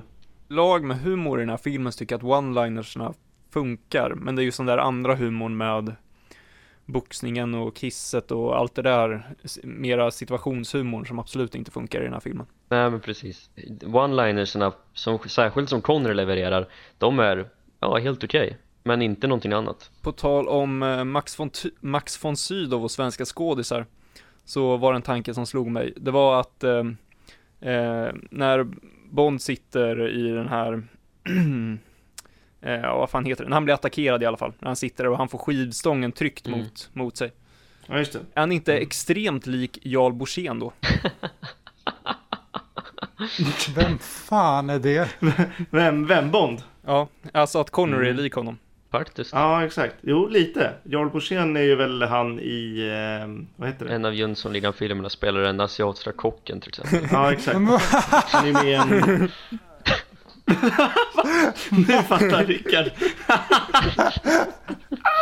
nu kom, nu ramlar polletten ner. Det är han som håller på med mathissen. Fan vad kul det hade varit att se Björn Gustafsson mot Sean Connery i Jönssonligan dyker Ja, men- upp igen. Oj, oj, oj. Det är en podd som heter duga. Den här filmen känns lite Jönssonligan Det är lite samma stuk, lite samma lunk Ja, alltså. ja, men faktiskt. Det skulle, ja, fan. Det hade blivit bättre med Ragnar Grippe alltså på den här, Ja, på den här oh filmen. ja, oh ja Nej men det är fan sant. Det är lite likt faktiskt Jarl Borssén. Fatta, Bo- Fan vad under. fatta Grippes eh, take på eh, Mm. Bond-temat. Fan vad mäktigt. Ja jävlar. Han hade kunnat skriva en bra låt också. 80-tals sound och grejer. Nej, ja, när den här väskan kommer som Bond har på sitt hotellrum Jag har alltid varit svag för den när han har vodka och kaviar och allting där Jag snackar med Anton Lothander, ljudmannen, för det som inte vet eh, när, jag, när jag kollade på den här filmen i veckan och vi kom båda överens om att det ser så jäkla gott ut Ja faktiskt. Men alltså, sjuksköterskans min är ju obetalbar. Hon blir ju kåt typ. Det är det bästa minspelet jag sett i en film någonsin alla kategorier. Alltså det är så, hon ser så sjukt nöjd ut. Ja, jag gillar i och för sig han officeren i, eh, Mm. på ubåten i I Love Ja. när han ser Ja. Anja Amasova. Det, är- det är tvåa. God tvåa på den listan. Men ja, man blir ju grymt sugen på att käka foie gras och caviar och grejer. Det är, ja. Det är så mycket Connery Jag tycker allt min spel av Michael Madsen slår det. alltså, han har ju bara en min. Ja, ska vi lämna Shrublands? Ja, kan vi göra. Och eh, då så ska de stjäla bomberna och det har de gjort om lite. Istället för att ha en kapning av själva flygplanet så kapar de bara själva, själva bomberna. Vad, vad tycker vi om den här sekvensen och deras eh, försök att uppdatera själva stölden? Jag har inga större problem med det. Eh, det är väl inte konstigare att byta öga än att göra hela jävla plastikkirurgi på hela jävla ansiktet. Så att, eh, mm, nej, jag tycker att det funkar. Jag, jag är helt inne på din linje. Jag tycker det här funkar alldeles utmärkt. Och Bondkänsla. Jag får extremt mycket Bondkänsla med alla scener inne i kontrollrummet. Eh, när Petachi eh, och, och sitter i bilen och åker igenom kontrollen. Mm. Allt det där, det är verkligen... Då känns det verkligen Bond för mig. Ja, jag, jag gillar idén men som så mycket annat i den här filmen så förstörs det ju något, av, av själva utförandet då det är lite tråkigt sådär men eh, ja, tusan de skulle uppdatera det och då tycker jag att de gör det ändå hyfsat okej Jag har inget emot det Nej, jag tycker nog det är... Jag vet inte, jag hade ju jag har ju lite problem med tempot i, i Thunderball också när de kapar planen. Jag tycker det tar väldigt lång tid. Man ska se allting. Men ehm, jag vet inte, jag, jag tycker inte det är så, så stor skillnad här egentligen. Ehm, på kvalitet i alla fall. Här tycker jag att det rent tempomässigt i alla fall är, så är stölden mycket rappare. Mm. Jo, det kan jag hålla med om. Och sen, eh, direkt efter stölden, när vi går tillbaka in i ett nytt möte så får vi se Yes! Ja, Ma- Ma- Michael Madsen är ju, ja, han, han är god tvåa på listan över mina favoriter i Bond-serien, men solklar etta är ju Bob Conley. Mm. Storstilad comeback. Stor, eh, han, han gjorde ju comeback i A View to a Kill. Ja, det är fan sant. Jävlar. Han var ju stekhet på Ja. 80-talet alltså i Bond-serien. Jäklar vad bra han Han var ju Bond-seriens Golden Boy alltså på den. Och, och för er som inte vet vem man är, Herregud vad bra han för er som inte vet vem man är han alltså amerikanen som håller på och härjar. Wonderful! That means by now it's all the Kremlin! Det är ju en rolig replik också. Han är kung! Jag säger bara att ni som inte vet vem, ni som inte vet vem han är, dra åt helvete säger jag bara. Ja. Ja, nej, han är, han är fantastisk. Sen har vi också Robert Rietti som Ja. den upprörda italienaren som också dubbade Adolfo Cele i Thunderball och Tetsuro Tamba i You Only Live Twice. Det var som fan. Mångfacetterad kille. Men jag, det, det är någonting i mig som ändå går igång lite på just den här eh, scenen. Eh, var det nu är någonstans. Var ska det vara någonstans? Det vet man inte för det finns ingen exteriör. Nej, men det är någon sorts eh, möte. Ja, ja jo. Eh, jag vet inte, jag, jag tycker att eh, det är någonting med stämningen där när de får reda på den här kapningen som jag tycker ändå första gången som jag blir i alla fall lite engagerad i filmens story. Eh, på något sätt. Och jag kan tänka mig att filmen ändå spelade lite på folks rädslor eh, på den tiden. För de blir ju väldigt upprörda inne på det där mötet. Ja, det skruvar ju upp tempot och insatserna på ett sätt som det inte blir i Thunderball där det är väldigt lugnt och sansat inför det här beskedet. Så det gör de ju bättre här. Men sen tänker jag också att vi har en det är den brittiska utrikesministern som håller i mötet tillsammans med M. Och jag, undrar vad är, vad är det egentligen för sammankomst de har och varför just de två de som leder den här, det här mötet? Det är orimligt, jag tror Det är inte väldigt märkligt. ja, Ja, och, och det ska ju vara amerikanska bomber som har stulit, för det är ju presidentens öga som han tar. Så varför är det britterna som... Ja. Ja. Det är ett klafffel som heter duga. Men eh, då en grej som jag tycker att Thunderball gör bättre och återigen, det blir lite jämförelse med Thunderball, men alltså det är många små saker som de inte plockar som gör att det här inte känns som en Bondfilm. En av de sakerna är det här lite extravagant och nästan så här surrealistiska och coola och det är ju i Thunderbolts tänker jag på när de när de har kapat planet och de ska hämta upp bomberna i Thunderball, då är det liksom, det är mitt i natten, de har undervattenslysen. Eh, alltså det, det är någonting coolt över den scenen verkligen. Och vi har en Largo som står där på båten och eh, dirigerar och allt vad det är. Och i Never Never Again så är det mitt på dagen, vi får knappt se någonting, vi får se lite bilder på Largo i en helikopter som inte gör så mycket. Och sen så är det slut. Det, Mm. ja, just den där känslan av att det är någonting som gör att ena foten i verkligheten och andra foten ska vara i fantasin och just de där bitarna med undervattenslysen och allting, det är just det där fantasibenet som någonstans måste finnas där som gör att det känns bara coolt och inte i den här världen men ändå så Mm. känns det så verkligt för att det är ett så verkligt scenario. Och där misslyckas de med totalt i den här filmen. Ja, jag vill, vill återigen dra en koppling till John Garners böcker för det är samma sak där om man jämför med Ian Flemings böcker när man tappar det bizarra i Bond så är det inte längre Bond och det tycker jag att nästan alla, eller ja, alla Eons filmer har bibehållit på ett eller annat sätt Och sen eh, tycker jag givetvis inte- inte att de borde göra en exakt kopia på Thunderball, för det tycker jag nästan, det hade ju varit ännu sämre, men de måste försöka hitta någonting nytt, och just den där eh, kreativiteten och glöden finns ju inte riktigt här. Det... Men men, skitsamma. Q-möte. Vad eh, tycker vi om eh, Q och om mötet? Här är vi rolig dialog Ja, det är ganska kul faktiskt. Det kan jag hålla med om. Ja, jag tycker att, jag gillar Alec McCowan Strarup som skådespelare och han, han är rätt charmig, han, han gillar genuint att vara i den här filmen och det syns på honom. Och eh, det är bra, bra dialog mellan han och eh, Bond och en liten twist på också att, att eh, Q gillar Bond för att lite, lite se upp till honom som det inte är i Eons filmer. Jag köper honom som Q. Jag tycker han är... Han känns rätt trovärdig som en galen uppfinnare liksom. Som ska komma på grejer åt, åt Bond, åt staten, åt agenterna. Ja, och det är just den där dynamiken med en Bond som eh, är äldre, erfaren, inte har kunnat vara ute på uppdrag och sen så kommer han ner till Q och det känns verkligen som att Q blir engagerad av att oj, ja men Bond, ja är du här igen? Oj vad kul, ja vart ska du iväg nu? Han, han, han blir engagerad över att ja men äntligen är det någonting som händer, äntligen ska Bond ut på ett uppdrag. Jag tycker, ja jag tycker det här funkar klockrent. Mm, faktiskt. Det är de här sköna analogierna också till mm. Connery och Bond.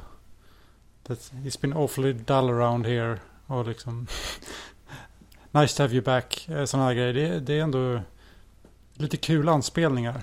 Ska vi lämna källaren och åka till eh, Bahamas? Eller har vi något att tillägga?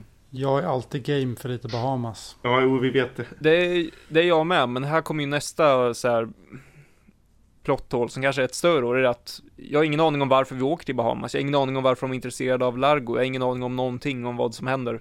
Helt plötsligt Bond på, Bond på Bahamas. Och ja, tillräckligt med Bond på Bahamas, men vad fan gör han där? Ja, alltså det här manuset är ju en schweizerost. Alltså det... Det, men det, det, det finns ju inga fan röd tråd. Man får försöka ja, ha kul under tiden men förstå vad som händer, det är ju bara att lägga ner. Ja, alltså man ska ju inte, man ska ju inte hacka ner allt för mycket på Bondfilmerna för att de har lite hål, men det här är ju ganska viktigt. Varför är han intresserad av skurken? Varför åker du till Bahamas? Vad har ni för ledtrådar som leder dit? Ingenting. Alltså en anledning till varför man förstår den här filmen, i alla fall jag, det är ju för att man kan Thunderball, både boken och filmen så pass väl så att man lappar ihop, lappar ihop hålen själv men hade man sett den här filmen som utomstående hade man ju förmodligen inte fattat någonting Nej, det ska ju inte vara liksom, titta på en film ska ju fan inte vara som en jävla labyrint. Man ska liksom hitta ut själv utan det ska ju liksom, man ska ju se det på filmen. Ändå. Men vad, vad säger vi annars om delen på Bahamas? Ja, alltså det som jag tycker är synd är att I love Karibien. Eh, och jag gillar inte det här så mycket. Det, miljöerna känns på något märkligt sätt ganska trista. Och det är inte så mycket som engagerar mig. Den här liksom... Om scenerna inte är spännande, engagerande eh, så skulle man i alla fall kunna ty sig till miljön. För att det är en mysig miljö. Eh, och det funkar inte riktigt. Eh, Rowan Atkinson är ett roligt ansikte. Eh, det är väl det är väl det. Och det är ju inte så mycket. Vad fan händer på Bahamas egentligen? Nej, inte så mycket. Han fiskar lite. Ja. Bond blir attackerad två gånger. Och det är det som händer. Vi får hela serien tänkte jag säga, men Never Never Again är inte riktigt en del av serien, men vi får av alla Bond-filmers konstigaste sexscen. Det får vi också ja, på Bahamas. Vad är det där? Och den där musiken är ju helt bonkers. Ja, ja, ja, ja, jo. ja. Det är det. Stämmer bra, stämmer bra det. Mm, ja, det är ju, det var ju så när, när de spelade in allt, alltså de, som jag sa i produktionsdelen, de spelade in allting i Frankrike först med ett manus och sen startade de till Bahamas i på vintern och kom på Ja just det, vi skulle ju vara på Bahamas egentligen Då hade de redan spelat in allting de skulle ha där i Frankrike Så Bahamas blir ju per automatik helt onödig i filmens sammanhang Så då var de tvungna att hitta på saker som skulle ske på Bahamas Ja men maj, ja. Och då blir det uppenbara, Bond blir attackerad Ja men exakt, han, han ligger lite, han blir attackerad ja. Det är bara utfyllnad. Och så får vi se Bond i uh, hängselbyxor också. Snickarbyxor, oh my god. Det är ju, det är ju fan underbart alltså. Han ser ut som Ernst Kirchsteiger för helvete. Inget fel på Ernst Kirchsteiger. Det är liksom, det, det, är inte Bond, men eh, Ernst är Ernst och Bond är Bond. Det är liksom inte Ernst Connery vi pratar om liksom. Nej, det funkar liksom. Nej, men det är uppenbart att Bahamas är utfyllnad. För att, eh, för det första, som Rickard nämnde, det är inga roliga miljöer. Eh, de har misslyckats totalt med fotografiet och för att vi vet inte vart vi är. Vi ser lite loka- vi ser lite platser nere i hamnen vi ser lite vatten. Och sen gör Bond inte så mycket mer. Eh, men han har ju filmens enskilt roligaste replik. Och det är ju den med Martinin när Fatima Blush kommer upp på honom men i övrigt alltså ja det, där, det där med den där repliken alltså min pappa har säkert inte sett den här filmen på ungefär 60 år. Typ innan den kom alltså. Eh, men den där repliken citerar han fortfarande. Den tycker han är jätterolig. Och ja, den är faktiskt ganska rolig. det känns som en replik som har fastnat i medvetandet när folk snackar Connery. Ja, kanske. Ja, faktiskt. Jag känner mig lite som Rowan Atkinson när han ska när han har tagit eh, eller sagt adjö till Bond och när han ska gömma sig bakom de där jävla pelarna så känner jag när jag ser den här filmen. Jag, liksom, jag går framåt väldigt varsamt och försöker gömma mig så fort jag kan liksom. Så det är, ja, det är lite så jag känner när jag ser den. Ja, alltså. när en Bondfilm blir klart sämre av att de åker till Bahamas så är det någonting fel. Ja. Ja. För här blir filmen klart sämre. ja, det är ett ganska stort kliv ner. Och kronan på verket är ju de där, ja vad är det för någonting? Radiostyrda hajar. Jag, Ja, det är ju hajar som har på sig någon form av mottagare som styrs av sändaren på båten. Jag antar väl att deras tanke är väl typ att det ska vara som en hundvisselpipa. Att de sätter på en sändare på Bonn och så lockas hajar dit. Eller någonting Att sånt. det är någon elektromagnet, för de har ju elektromagnetisk, liksom någon slags känsel på det Ja, sättet. Att de känner de- av och de har- pulser och sånt. Ja exakt, men sen är det det att de har någonting på sig, vilket gör att man inte riktigt fattar vad, vad det är. Nej, då borde de ju inte ha det på sig kan man tycka. Då borde ju Bond bara ha någonting på sig. Ja, men det är i alla fall någon typ av sändare som ska Mm. locka till sig hajar. Helvete vad dumt det är alltså. Ja, det, en, det enda som överhuvudtaget händer är som har någon relevans överhuvudtaget är att Bond träffar Fatima Blash. För det, det roliga är i, i boken och i filmen Thunderball så åker han ju till Bahamas för att det finns ett väldigt viktigt spår i form av Jack Petacci och hans syster och eh, då är ju Bond där och spionerar, tar reda på grejer i Never Say Never Again, då åker han dit, ställer sig i en bar nere vid havet, dricker lite martini, ligger lite och sen åker han därifrån jag menar, det är inte uppenbart att han ens är där och letar efter något eller någon vadå, det är bara några stulna atombomber, vad fan. Det är ju viktigare med sin martini och brudar. Ja. Jaha, världens största skurkorganisation har fått tag på två atombomber. Ja, men jag åkte till Bahamas på två veckor. Vi, vi ses. Ring mig om det blir allvar. Ja, exakt. ja, exakt. Helvete. Ring om ni Mm. behöver mig liksom. Vad fan. Ja, exakt. Ja, men det, enda, det enda som jag kanske faktiskt gillar är, är hur, hur de klipper mellan de två hotellrummen när Fatima Blash ska spränga Bond. Ja, Det är ju Mm. Ett enkelt sätt att lura tittaren, men jag tycker ändå att det är effektivt. Men eh, helt ointressant i det stora hela. Ja, absolut. Ja, helt klart. Vi eh, lämnar det totalt onödiga Bahamas och åker eh, till det totalt nödvändiga Nice. Men ungefär lika tråkigt, tycker jag. Äv, ja. Ja, jo. Vi Kan jag kan hålla med om. ta det från början här nu. Det första som händer i eh, Nice, det är att Bond träffar Felix. mm. Och här gör de ju också någonting nytt. Det är första gången vi får se en svart Felix Leiter. Och ehm, ja, vad, vad tycker vi om hans eh, prestation i filmen och hur han funkar med Sean Connery? Jag tokdiggar Bernie Casey Och det är mest för att han och Connery har en jävla bra kemi som inte vi har sett sen Connery och Jack Lord Och det känns verkligen som att Ja, även fast folk klagade på hans hudfärg, vilket är helt jävla onödigt Så är det ändå han som har fångat Felix Leiter från böckerna bäst Han är den här lekfulla kompisen egentligen som följer med på lite uppdrag Snackar med han och de känns genuint som bra kompisar Och det gillar jag verkligen med den här filmen, att de lyfter fram Bond och Lighters vänskap ja, jag håller med. Ja, Verkligen. Och jag gillar också att han känns, eh, nu har inte jag läst böckerna så, men han eh, känns väldigt likvärdig Bond på ett sätt. Ja, Bond, Bond förlöjligar inte honom på något sätt som, som vissa andra Bondar har gjort med vissa Felix Leiter-karaktärer till exempel. Och det är så det ska vara, det är så jag vill se Bond och Mm. Lighter och här, här sätter de det perfekt Jag gillar honom också faktiskt som, som attan. Jag tycker det är väldigt kul sen Mm. längre fram i filmen då han är med i actionet och det är väldigt så här. De är liksom, de står på samma nivå på något sätt, även om Bond är Bond såklart. Jag kan bara hålla med. Prestationen är alldeles utmärkt. Eh, väldigt nära så som jag ser Felix. Och jag tycker att det är väldigt kul att han får någonting att göra i filmen. Att det inte bara är lite, snacka med honom lite på telefon, få lite direktiv, utan han är faktiskt där, de samarbetar och verkar ha genuint trevligt tillsammans. Eh, väldigt kul. De lagar till och med mat tillsammans Ja just det. mm. Innan vi går vidare så vill jag att vi går tillbaka ungefär ett år i vår poddhistoria och till ett Facebookinlägg där vi ifrågasatte att SAS påstod att deras väska var med i en Bondfilm. Och eh, våra spekulationer ledde väl till att den är med i Never Say Never Again.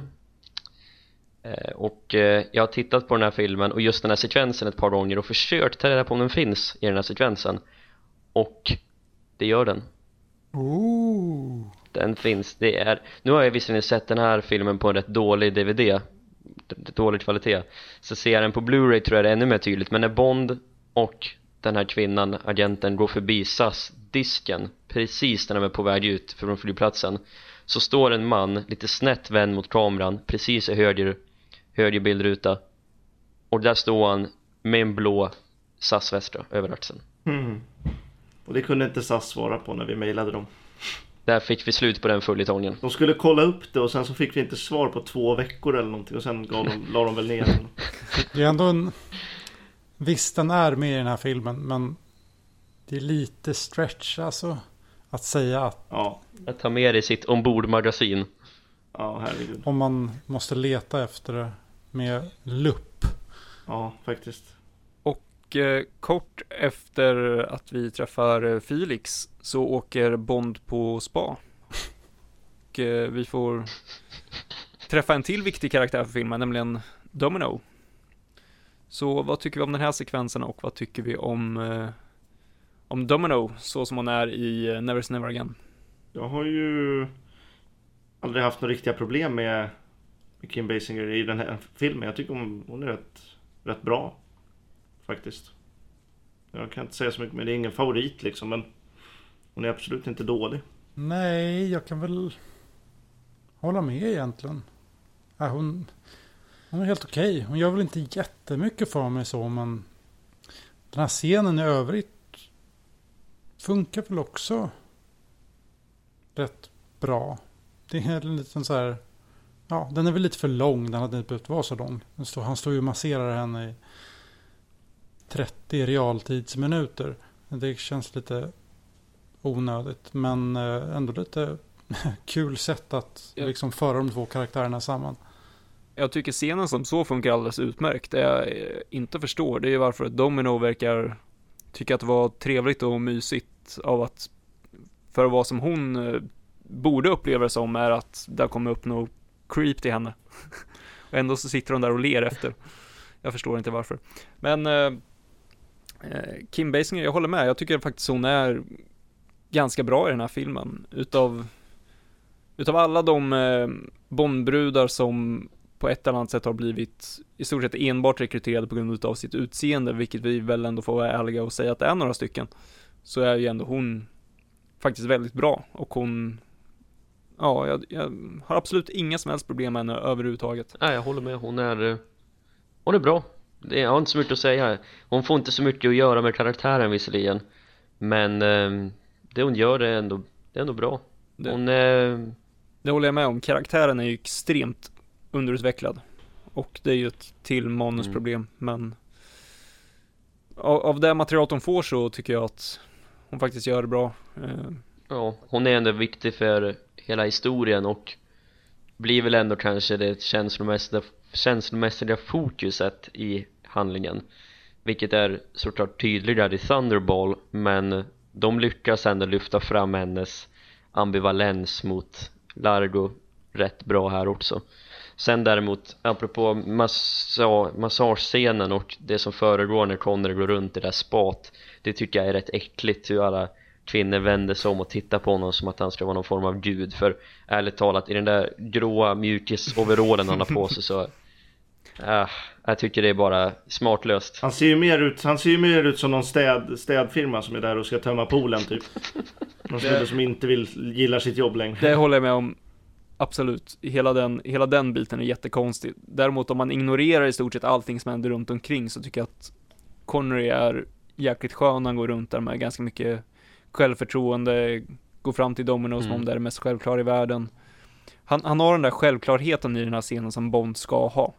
Att, ja, det, det är helt uppenbart att jag ska vara här. Det liksom smälter in överallt.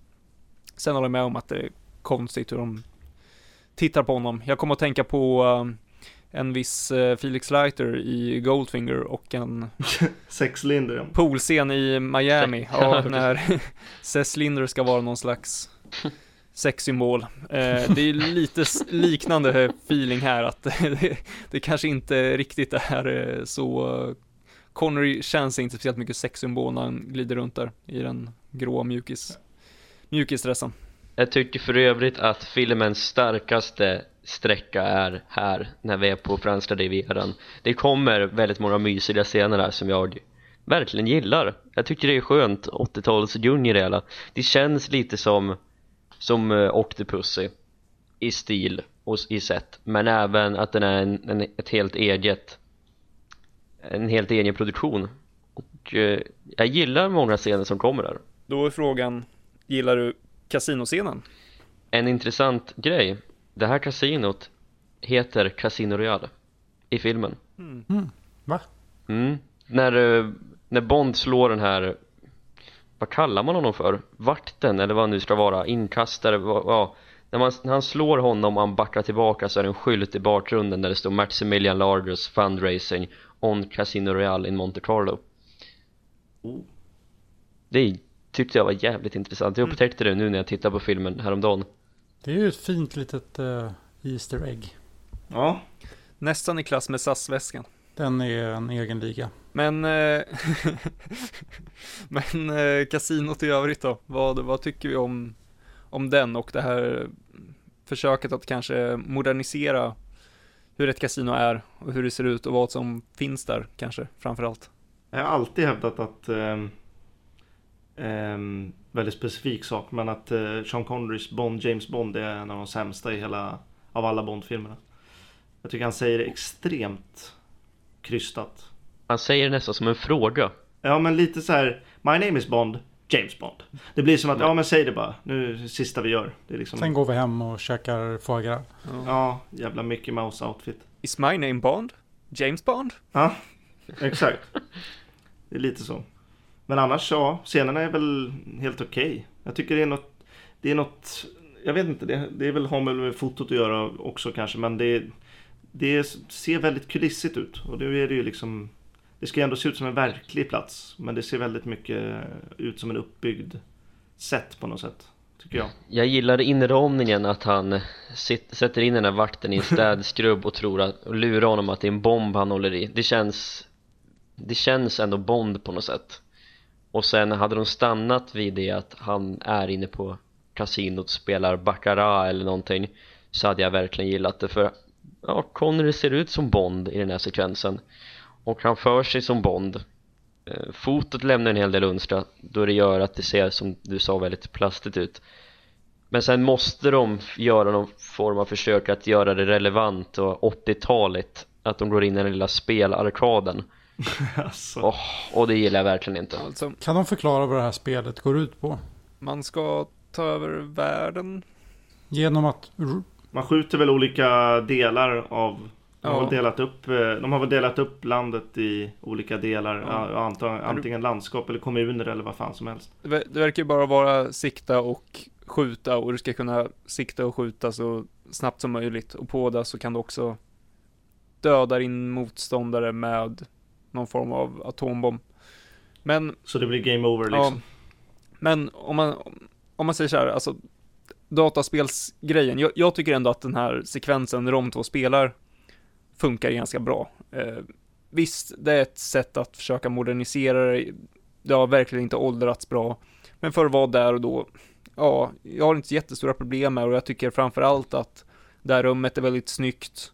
Eh, det ser väl, rummet i övrigt ser väldigt bonskt ut. Det jag inte gillar, det är ju att det i själva kasinot är en massa saker som blippar hela tiden med en massa spelautomater som ser ut som Jack Vegas-maskiner som man kan spela på sin lokala pizzeria. Det är absolut inte elegant överhuvudtaget, det är ingen elegant kasinomiljö och det där jävla blippandet håller på att göra mig galen. Eh, Ja. Så därför tycker Mm. jag ändå att spelet i sig funkar. Hade de bara struntat i alla, ja, alla andra automater så hade jag köpt mycket, mycket mer än vad jag gör. Men nu känns det ännu mer forcerat att de vill försöka modernisera vad ett kasino är och ja, modernisera allt det. Ja, Eon har ju alltid varit väldigt noga med att inte ta in saker som medvetet daterar filmerna. Och när de väl har gjort det har det stuckit ut. Men i Never Say Never Again så tar just 80-tals stilen och 80-talsmentaliteten över i mångt och mycket. Och det gör ju att filmen känns mer dassig än vad den kanske borde göra. Själva idén att de har ett dataspel som de spelar är ju ändå helt okej. Och både Connery och Brandauer säljer det. Och det är ändå, om man ser det bara för vad det är så är det rätt spännande men det gör ju tyvärr att filmen inte är tidslös som den kanske borde vara särskilt då de ville satsa på att göra en form av 60-talshistoria av det hela så det, det är återigen två världar som möts och inte blir särskilt bra i slutändan Ja, jag, jag tycker inte att det funkar alls. Just för att jag, om jag inte förstår vad spelet handlar om så finns det ingen spänning. Det är liksom har dött från början. Så att, eh, nej det, det, Mm. nej det funkar inte för mig. Men visst är det här första gången Bond och eh, Largo träffar varandra eh, face to face va? Ja, det stämmer jag tycker det är en fantastisk... Här, för mig i alla fall, blir filmen mycket mer intressant. mm. Eh, I och med att Brandauer gör entré. Det är ju min favorit, alltså det är ju min, det är huvudattraktionen för mig med filmen. Klaus Maria Brandauer. Jag tycker han är, han är fantastisk. Och det är det, han går in och bara äger direkt. När han bara stöter på Domino och Bond i baren. You're Mr James Bond right? Och så bara tar han över och kör in han i videospelsrummet och sen så kör de bara. Och sen dess är det Brandauer show liksom. Så det, det gillar jag. Och nu har ju du eh, tagit upp eh, honom, så vi kan ju prata lite om hans, eh, hans prestation och vad vi tycker om honom som skurk. Eh, Mm. jag tycker att han är en av den här filmens absolut största behållningar. Jag tycker han är jätte, jättebra, verkligen.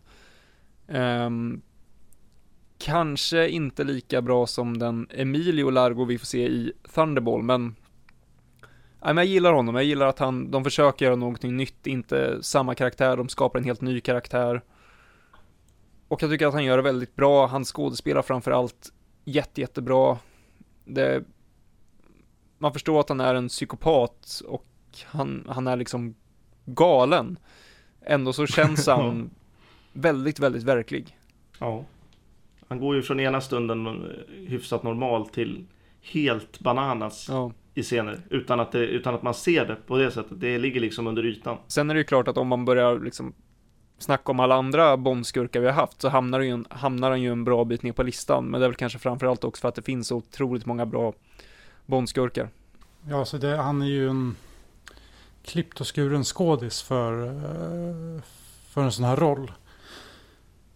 Hans eh, skådespel är ju, är ju liksom skrämmande och roligt på samma gång. I någon märklig kombination.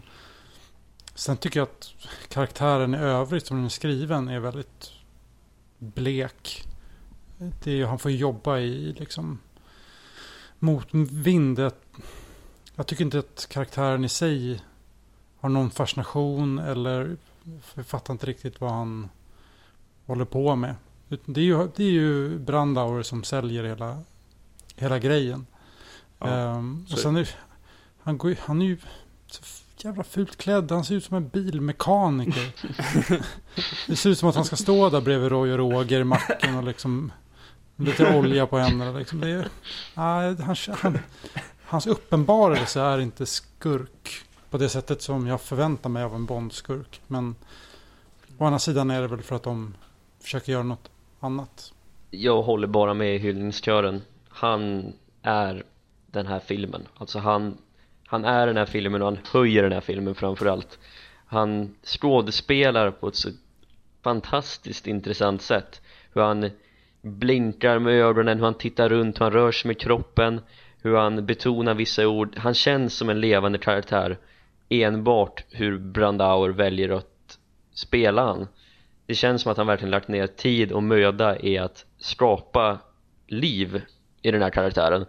Och eh, de nuddar ju lite vid det att han är en rik filantrop men som på insidan är psykiskt sjuk, att han är galen. Lite som Dominic Green i Quan men inte lika subtil. Och eh, jag skulle vilja säga att han är en av mina favoritskurkar från om man både kommer ner 80 och 90-talet Mm. då var han bara slagen av av Sanchez och eh, Elliot Carver egentligen. Så han är riktigt högt upp på min lista i förhållande till vad den här filmen är. Och eh, det är en skam och väldigt tråkigt att Eon aldrig fick henne att de aldrig fick tag på Brandauer till en riktig roll i Mm. deras serie Mm. han hade nog gjort, han har gjort underverk med ett ännu bättre manus Jag Ja, det kan jag tycka. älskar eh, scenen när Domino frågar ehm, vad, eh, nej jag tror inte det är den ni tänker på. När hon frågar vad, ehm, eh, vad, vad kommer du, vad gör du om jag lämnar dig? Och han säger, then I'll cut your throat. Och så ler han, och sen så mm. går han Ja. därifrån. Alltså det är jättebra. Han är så mysigt skrämmande Han, han, ler, han ler och sen så blir han allvarlig och sen ler han igen och sen gör han en slängpuss åt henne. Och det är liksom, man, man förstår att han faktiskt menar allvar. Ändå så är det som Ja. att det nästan blir ett skämt utav det. Men man förstår att han är allvarlig Ja. när han säger det. Han garvar ju själv åt det liksom, men han vet att han menar allvar. Jag gillar ju scenen när han tar över Domino från Bond i dansen. Bye bye! Och sen, sen börjar gå, musiken igång och sen så börjar han dansa. Ja, det är fantastiskt alltså. Och när eh, Connery är fängslad i senare, lite senare i filmen När han säger det till honom You were, you were a good agent once Och sen när han förklarar, ja men ena bomben är under presidenten i Washington Och så förklarar Connery, ja den andra Och så tittar han på honom, ler lite Pillemariskt liksom. Ja, och så tar han fingret framför munnen och, bara, och så låter han lite och så går han därifrån Ja, jag vet, det är så jävla mycket subtila, fina grejer. mm. Åh, herregud. Jag kan titta på honom, jag hade kunnat sett två timmar med bara Brandauer Ja, ja, lätt, lätt. Och på tal om dans, vi får ju se en tango på kasinot. Ja, just det. Som eh, inte är så typiskt för en Bondfilm, får man ju säga. Nej, verkligen, verkligen. Hiss eh, eller diss på tango? Nej, Men alltså det, det finns någonting över det som jag ändå, jag kan, skulle kunna se det i en Ion-film. Eh, Det är ju lite udda, lite ovanligt att se, men jag tycker ändå att scenen funkar tillsammans med musiken och liksom dramatiken kring vad de pratar till varandra, säger till varandra. Även om det blir liksom lite, det blir väldigt uppspelat när just det är tango som dansas, men i, i någon sorts Mm. stilistisk värld så tycker jag ändå att det funkar helt okej. Ja, jag tycker också att det är rätt så bra. Jag tycker att det är bra att eh, smart av Bond att få ett, eh, få ett sätt att komma Domino nära och kunna prata. Sen kan man ju kanske tycka att Largo kanske borde märka att det är någonting som är fel när, när eh, Domino reagerar som hon gör och får eh, reda på mitt på dansgolvet att hennes bror troligtvis är död. Men det är ändå, ja, nej, men jag gillar den här scenen. Det är bra, ja, bra. Här går jag igång på alla cylindrar Uff, jag gillar den här scenen Oj. Ja. Ja, jag tycker den är härlig. Det är visserligen, Bond och tango är väl två saker som man vanligtvis inte tänkt ska gå ihop. Och ja, kanske, men Connerys Bond, jag köper ändå honom som en som skulle kunna dansa tango. Det känns som att det är en dans som som passar hans, ska man säga manlighet? Kanske? I alla fall, jag gillar att han säger att han säger till Domino Your brother's dead, keep dancing. Det är så väldigt mycket Connerys Bond Mm. som no, alltså här, han, han tjafsar inte runt utan No han kommer till poängen. liksom. Ja men precis. Han berättar och så fortsätt bara. Där ser jag liksom Connery från 63 skiner igenom. Ja, så är det och sen bra dramatisk musik. Och jag har aldrig tyckt att Largo upptäcker att någonting är fel med Domino från och med nu att han har bestämt någonstans här att nu kommer hon dö, jag har ingen användning för henne längre.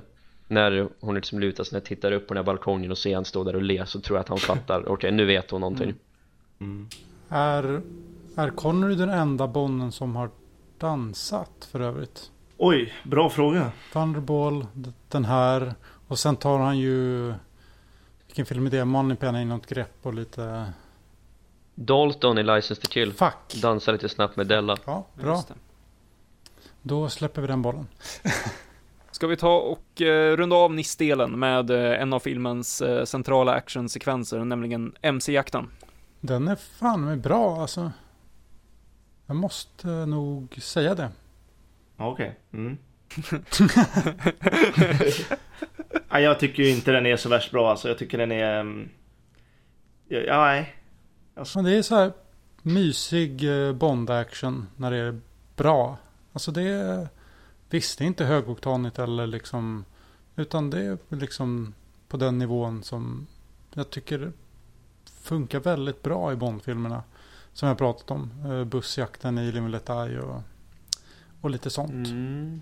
Jag tycker eh, upptakten till den här jakten nästan är bättre när Connor går runt och äter ett äpple och går runt och tittar i huset och sen är det lite spöklikt han går runt och smyger i sin smoking och så ser han att Nicole är död tycker jag, eh, då är det rätt spännande faktiskt då känns det bondigt igen men sen kommer eh, musik som drar igång jakten som ja, helt förstör den känslan. exakt. Mm. och jakten i sig, ja den är helt okej. Jag har inget emot den. Trots att det känns lite väl som att de försöker apa Eons sätt att göra jakter.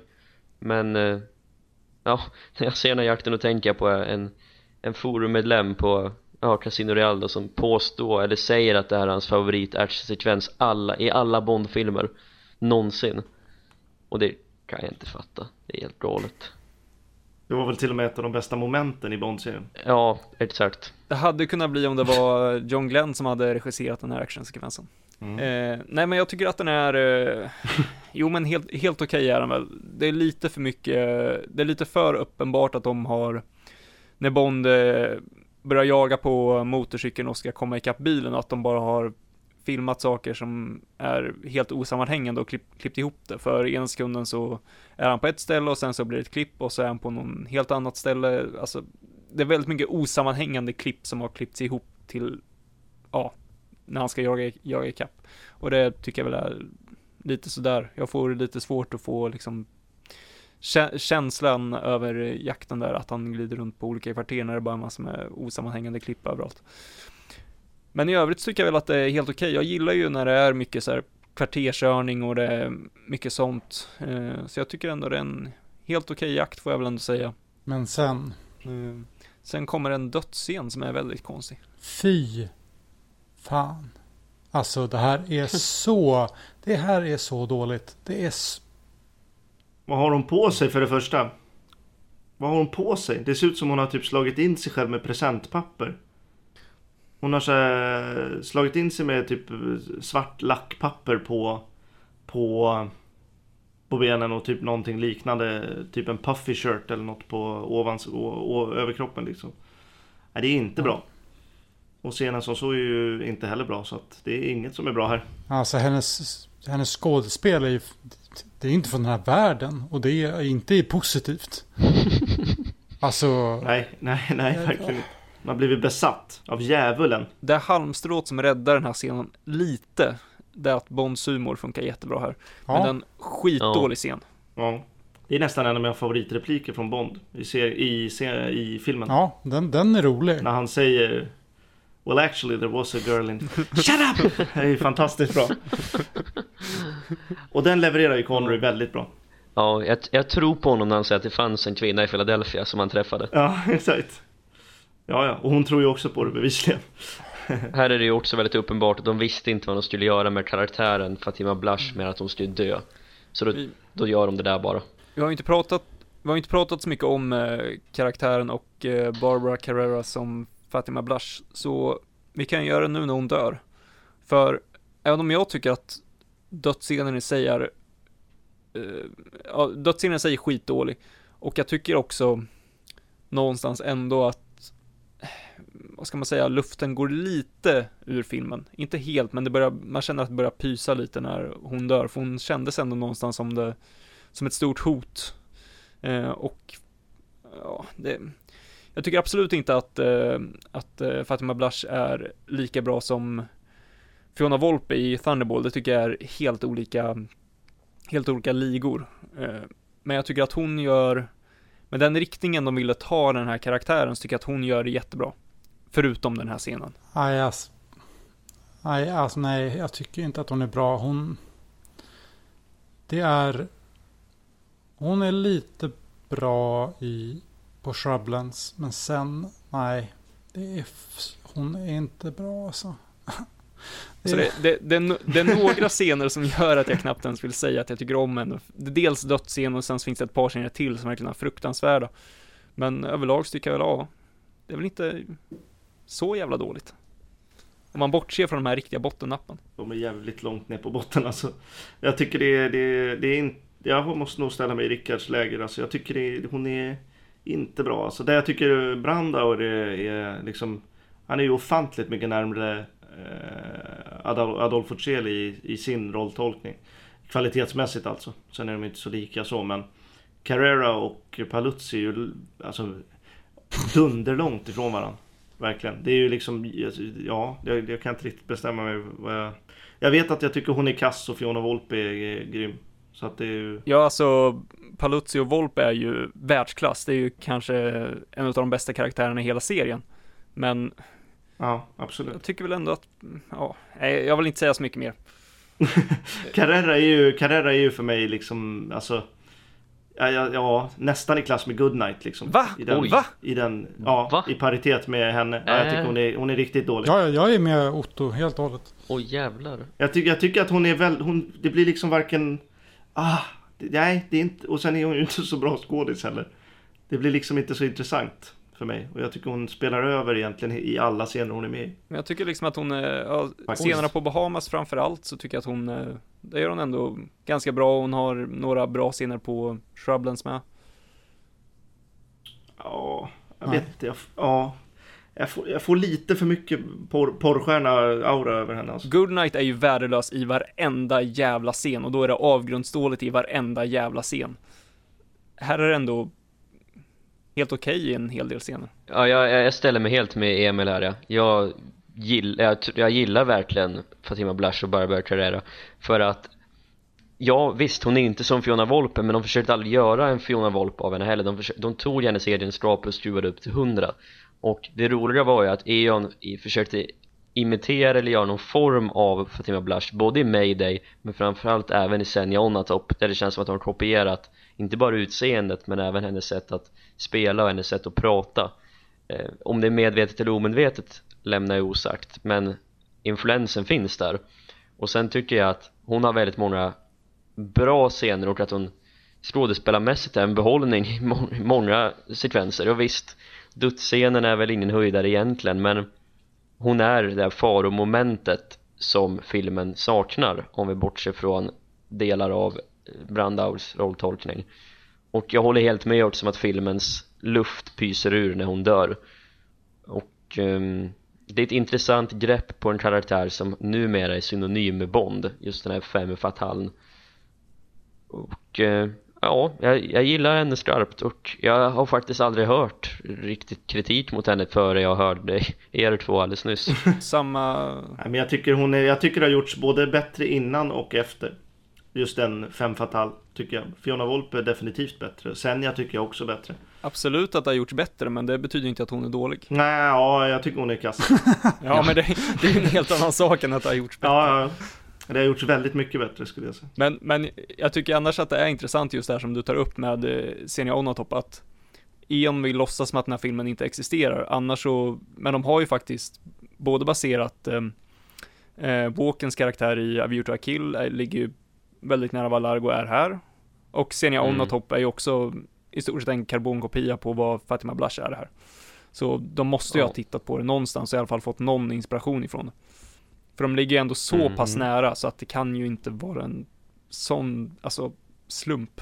Nej, eller alltså jag menar kläderna, utseendet, sättet att vara, sättet att skådespela Det är ju nästan till identiskt Ja. med Senja Onatop Ja, Sen kommer en härlig scen när Bond och Lighter cyklar och sjunger Alltså, vad, vad är detta? Ja. Enda gången vi ser Bond på cykel va? Vad är det här? Det blir liksom, det är som en jävla... Ja, andra gången Bond sjunger Ja, det här. Och det är, det är Connery båda gångerna faktiskt. Ja, Ja, det är tur att det inte är Brosnan i alla fall. jag, jag köper för att Ja. Connery säljer in det. Hade det varit Roger Moore så hade det känts löjligt, men Connery kan göra det med en sån självklarhet. Mm. Fast då hade det också varit Martin Sheen. Martin! Eller Martin Sheen, vad säger jag? Martin Sheen menar jag. Martin Sheen kommer ut på cykel. Han är inte ens med i filmen. Men Martin Sheen gör stuntdubblar för Roger Moore. I... Fy fan vad bra. Ja, Roger Moore stunt double, Martin Grace. And in one scene, Martin Sheen. Fantastiskt. Nej, då hade det ju varit Martin Grace. Men nej, jag, tycker, jag tycker det ser väldigt konstigt ut. Alltså att de ska ut och cykla. Det är så här, nej, usch. Det här är Mm. inte bra heller. Nu vill jag lämna Niss, för nu måste Ja. vi fan börja bli röra oss mot slutet på den här filmen. Ja, tack. Ja, det tycker jag. Vi hoppar på Largos jakt och eh, reser mot eh, Palmyra som den här gången ligger i Nordafrika. Just det. Och eh, här tycker jag väl ändå att filmen, är, visst filmen, lite att luften gick ur, men det jag gillar med scenerna på jakten och att vi kommer till Palmyra, det är att vi får se fler scener med Connery och och eh, Brandauer tillsammans, där de får agera mot varandra. Och det tycker jag är riktigt härligt att se. Sen, filmmässigt så, filmen står ju stilla totalt och har gjort så väldigt länge. Och här känns det, det, det händer ingenting. Ge, ge mig bara, här någonstans vill man ju bara att klimaxet ska vara. Den här filmen har ingen struktur. Den här finns ingen liksom uppbyggnad mot klimaxet och när klimaxet då man börjar förvänta sig det så kommer det inte. Det är liksom... Nu är ju Thunderball är också väldigt utdragen men där tycker jag det finns en ganska tydlig struktur vad den liksom riktar mot. Här som säger, det, det står still, det stampas eh, lite för mycket på en och samma plats. Ja men det är ju skönt att vi, det börjar hända saker i filmen Det börjar luckras upp, vi börjar förstå vad konflikten handlar om Och eh, det, nu är det bra dialog också mellan Bond och eh, Largo. Det är eh, Verkligen. en helt okej dialog s- mellan eh, Bond och Domino Och ja, relationer börjar utmejslas Filmen rör på sig nu, äntligen Och det känns vettigt och jag är, jag är ombord jag är, jag är med nu här Känner mig laddad inför slutet Jo, men alltså jag, jag håller faktiskt med dig där. Jag, jag börjar också bli laddad inför slutet. Problemet är att slutet drar ut så inåt helvete. Exakt För nu, Uppbyggnaden är väsentligt mycket bättre än själva slutet ja, för nu kommer vi till Palmyra och här förväntar jag mig i alla fall att det typ ska vara ett klimax. Men det kommer inte. För först Bond blir tillfångatagen, han flyr, vi får se hästscenen, sen hoppar han på en ubåt och det händer lite annat och sen kommer nästan klimaxet för då åker han först upp på land och sen så korrar han lite och sen så börjar det fightas, sen så är det under vatten och sen så är filmen slut. Alltså det, det, det är en jäkla massa steg från det att vi är på jakten och det börjar bli en upp, uppbyggnad till det att vi faktiskt får det som är det riktiga klimaxet. Mm. Alltså sista 20 minuterna Det går från, det är alltså från hästhoppet till undervattensfighten mellan Bond och Largo Det är mycket som händer där Och det hade de kunnat disponera väldigt mycket bättre Genom att sprida ut dem över kanske filmens sista 40 minuter och stryka massa annat i Nice. Ja, precis. Det händer ingenting på en och en halv timme och sen händer allt på en kvart. Jag, ty- jag tycker det är bra, det lunkar på bra, det är skön, skön typisk Bond-känsla. Som jag nämnde förut, bra dialog mellan bra, Bond och Largo där i fängelsecellen. Sen ja, i och för sig hästjakten förstörs av musiken. Men sen bra dialog igen mellan Bond och ubåtskaptenen. Ja. Och action och sådär, så ja. Nej, jag, jag tycker inte att det lunkar på bra, för jag vill ha klimaxet där på Palmyra efter att Bond tar sig loss. mm. Ungefär som vi får se exempelvis Dr. No, alltså att Bond hamnar i en situation, han flyr och så blir det fight och så är filmen slut. Nu blir det liksom att han flyr och ska han upp på en ubåt och sen ska vi by- bygga upp igen inför ett klimax. Jag tycker inte alls att det lunkar på så, så jättebra faktiskt. Jag, jag kopplar bort lite från filmen, jag zonar ut från filmen och det tycker inte jag man ska göra i det här skedet. Nej alltså upptakten gillar jag men sen när själva klimaxet kommer så är det intressant för vi har ju gång på gång pratat om klimax i Bond-serien och att de nästan alltid är sämre än actionsekvenser tidigare i filmen och det är så intressant att även en inofficiell Bond-film som Never Say Never lider av samma problem att klimaxet är totalt ointressant och det är bara filmen pyser ut istället för att gå ut på en smäll liksom så ja de misslyckas nästan alltid med att avsluta en Bondfilm Jag tycker det här är ett av de sämsta klimaxen i någon Bond-film överhuvudtaget. Jag är inte alls engagerad alls. Jag tycker att själva den sista undervattensfighten tycker jag faktiskt funkar. Och jag gillar, jag gillar faktiskt den grejen att Domino kommer in och räddar, eh, räddar dagen. Eh, det känns som ett värdigt slut för henne. Lite som i Thunderball såklart. Eh, Mm, det, mm. det gillar jag faktiskt. Eh, I övrigt så är jag också, nu, nu är jag för utzoomad Och den här alltså häst... Jakten, alltså nej, det, här- det här är faktiskt inte, det här tycker jag faktiskt inte är riktigt okej. Alltså det är alltså, man, man, man har tagit ett gäng nordafrikaner. Här, nu ska ni typ köpa eller antasta den här blonda flickan och sen ska den vita mannen komma in på häst och rädda henne från de onda nordafrikanerna. Alltså det är så jävla sunkigt. Usch. Mm. Ja, det är sunkigt redan då. Nästan. Nej, Jag tycker det, det finns mycket. Här får ju Brandauer sin klimaxscen i alla fall. Kan man ju tycka. Rent skådespelarmässigt alltså. När han liksom kysser Domino med den här jävla salivsträngen som kommer mellan. Alltså, det, det, alltså det, här, är, här, här är han ju verkligen psycho på riktigt alltså. Hela grejen med eh, han, han, får, han har typ, hur långt kan det vara? Två, tre minuter då han bara Ja. kör. Mm. You're crazy. Och han Ja. bara ger henne den här, yeah. ja. Han står och tänker någon sekund och så bara, Ja. yeah. Han kommer in lite med tyskan också, ja, ja. Men eh, ja, det är väldigt, väldigt bra. Och när han ger henne den här och sen så rycker han tag i hennes händer. Careful! Riktigt, lite, han skulle passa bra som Jokern för övrigt i Batman. Mm. Men det hör inte hit. Men eh, ja, han är väldigt bra faktiskt. Ja, Men klimaxet är ju, nej, det här är... Eller klimaxet, den här scenen och på Palmyra överhuvudtaget är väldigt eh, lökigt som filmen är överhuvudtaget skulle jag säga. Här tar det väldigt eh, klar form över att det är lökigt faktiskt. Ja, jag tycker det känns lökigt, det känns, hela Palmyra-delen känns väldigt daterad överlag i hur filmer ser ut. den här sekvensen när Bond och Domino hoppar ner med hästen och så närbilden på Connor och Basinger Och när han skriker. Klipp in Rickard stryk från förra avsnittet och det är Ja, nästan lika bra. Ja, ja. ja det är, herregud alltså.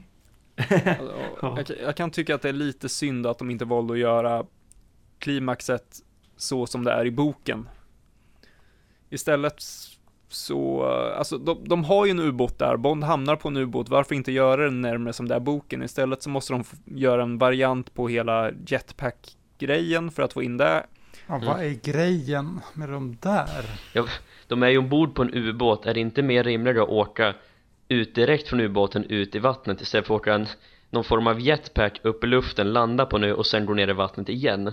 Ja, Ja, men de, måste, de måste ju visa jetpacken, det är ju viktigt. ja, jag, jag, om klimaxet i sig har jag ingenting mer att säga, jag tycker det är värdelöst. Förutom att, att Domino får Ja. den biten. Det tycker jag är Sista bra och jag tycker överlag att de sista, sista delen som verkligen är under vattnet är också ganska bra, men det är så pass väldigt kort i allting som är själva klimaxet och hela fighten. Ehm, Så jag, Mm, ja. Jag vill plocka ut några små russin ur den här klimaxkakan faktiskt Ur den här moderkakan. Klimaxkakan, det lät snuskigare än vad det var faktiskt. Ja, Ska till gynekologen och kolla sin klimaxkaka liksom. exakt Det låter väldigt snuskigt. är, är det som finns det i alla fall att Bond och Lighter slåss sida vid sida eh, Att de faktiskt får slå, alltså att de faktiskt får vara med varandra när de skjuter och det, det gillar jag, det, det är jag svag för Sen gillar jag det där med att Att de får vara med varandra. De får varandra klimaxkakan i klimaxkakan. Ja. Åh, fy fan vad vackert. det är någonting så härligt 80-talskt över de här kulisserna Som verkligen ser ut som kulisser men jag är svag för det Och sen, ah, när jag såg filmen nu häromdagen så var jag tvungen att spola om den här repliken tre, fyra gånger När Largo tar en handfull vatten i munnen Spottar ut och säger 'Sweet' Like money och så går han därifrån Ja, ja, han är så jävla bra alltså. Det är så jäkla härligt, där har han sitt klimax i filmen Den enda scenen han är dålig i är ju på skärm Ja. på skärmen där. Annars är han ju genomgående jätte, jättebra verkligen Mm. tycker jag. Och sen när Domino och skjuter Largo och sen liksom flyter hon upp Det ser exakt ut som det är beskrivet i boken Hennes liksom skepnad som kommer där ja, jag, Mm. Så det är tre bra grejer jag håller faktiskt med. Det ögonblicket är jättebra. Men det räddar inte det här. Då har vi egentligen bara det sista kvar Ja, vi åker till eh, Kevin McClorys hus, där det faktiskt är inspelat. Eh, och eh, Bond som tittar in i kameran och blinkar. Ja, det kunde de ju hoppat över. Ja, faktiskt.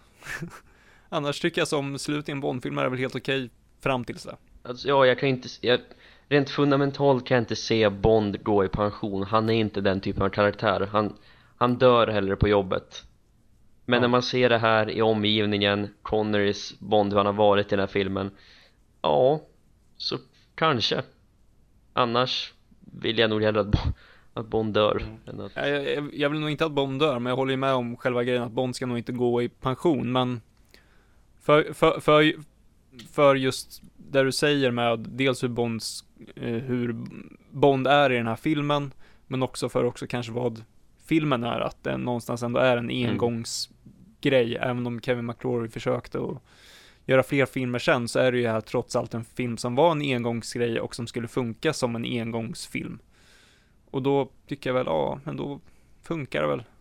Sen, titta fan inte in i kameran och blinka. Nej. Då tycker jag att vi eh, snackar musik.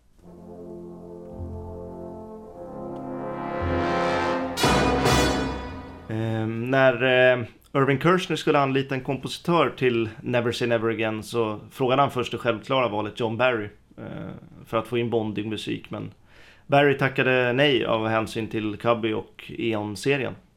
Och eh, då fick Kirchner istället upp ögonen för en jazzorienterad fransman vid namn Michel Legrand. Och Legrand föddes 1932 i Bécon-les-Bruyères, eller Les Bruyères. Och eh, är en av de riktiga tungviktarna inom både jazz och filmmusik faktiskt. Eh, Miles Davis, Dizzy Gillespie, Frank Sinatra, Shirley Bassey, Aretha Franklin, Ella Fitzgerald. Det är bara några av de namnen han har samarbetat med faktiskt. Eh, och även om jazzen är det som kanske ligger honom varmast om hjärtat, eh, som också märks i den här filmen, eh, så är inte heller film något som han är ovan med. Han har skrivit musik till över 200 filmer och jobbat med regissörer som Jean-Luc Godard, Clint Eastwood, Robert Altman. Och belönats med tre Oscarsstatyetter, så sex ytterligare nomineringar faktiskt. Så han är otroligt stor, men inte så känd kanske. Men ser man bara till hans CV så, ja, det är riktigt gediget. Och hur kunde det då gå så fel med den här filmen? För det gjorde det. eh, ja, som jag har sagt med många andra kompositörer att vissa är inte skapta för att skriva musik till Bond. Men jag ska bespara, bespara er lyssnare huvudvärken och försöka spela så lite som möjligt av det här soundtracket. För det är väldigt långt och väldigt dåligt. Eh, Men ja, som alltid så börjar vi med titellåten. Och den är skriven av Legrand eh, och användes till stor del i filmen, vilket är bra. Eh, men ja, jag gillar inte låten. Vi kan säga som så. Jag tycker den är ganska platt och tråkig. Och den saknar även lite kraft. Eh, som jag tycker att alla Bond-låtar ska ha, även de lugna låtarna. Jag tycker vi lyssnar lite på, inte låten, men hur den används i filmen.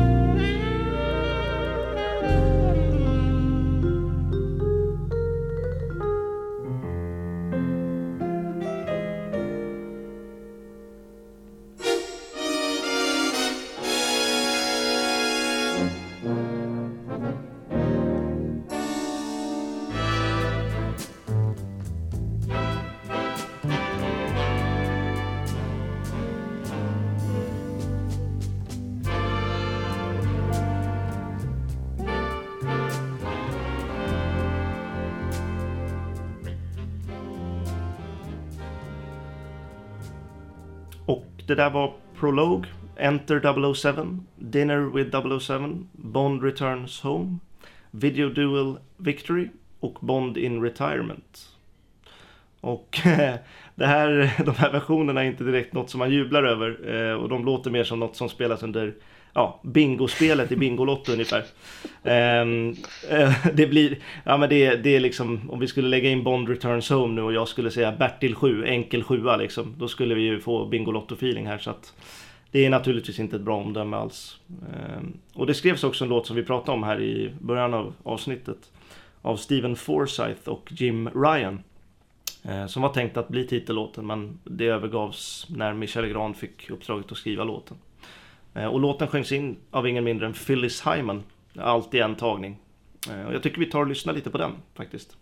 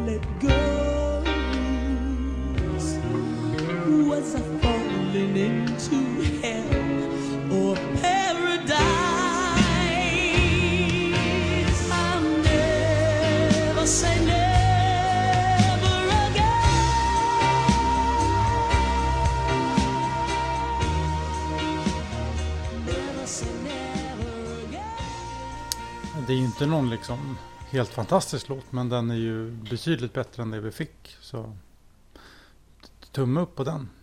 Jag är nog benägen att Mm. gå snäppet längre än så och säga att jag faktiskt tycker låten är bra. Ehm, Sen, eh, visst i hela kontexten för alla de fantastiska låtar som det finns inom Bond så kanske den inte står sådär jättebra mot de allra bästa, men jag tycker fortfarande att det är en bra låt. Eh, Och jag tycker att det är ett jävla skämt att de inte tog den här. Ja, jag håller med. Det, den låter ju framförallt som en Bond-låt Vilket inte låten vi fick gör för fem öre Och ja, det är, jag håller med, det är ett skämt att inte vi fick den här låten Den är så mycket bättre På alla sätt och vis Mm. Ja, jag, jag, tycker, jag tycker inte den här är särskilt Bondig heller faktiskt. Men den är ju en väldigt mycket bättre låt än, än eh, Never Say Never Again av eh, Lenny Hall. Jag tycker ändå den har lite Bond-feeling. Jo, men det är ju just, ja, jo, det är ju när Bond-ackorden kommer in egentligen som jag tycker den har det. Annars är det som, ja, Up Where We Belong liksom. Lite sån feeling jag får av den faktiskt. Ehm, men ja, vidare till nästa spår som jag tänkte ta upp och det är ju en tango som vi har pratat om. Eh, och spåret används inte direkt som något tema. Det skulle väl närmast kunna liknas vid Bond vs Largo-temat om jag måste hitta någon tematisk funktion för det.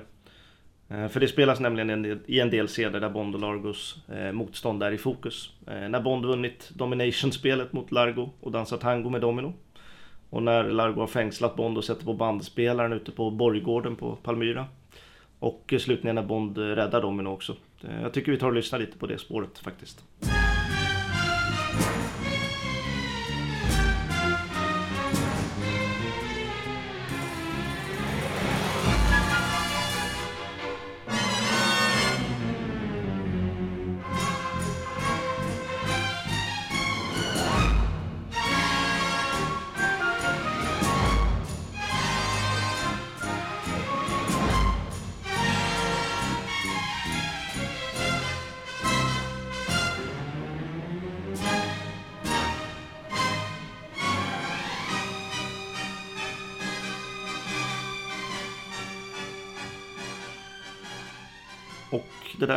Tango to the Death. Och ett annat tema eller motiv som förekommer i filmen är det som spelas när atombomberna är i fokus. Och eh, det spelas för första gången när Spectre stjäl atombomberna. Det är en melodi i blåset och xylofon, tror jag det är. Som nästan eh, är mer som en rytm än en melodi. Eh, men jag tycker vi tar och lyssnar lite på hur det låter.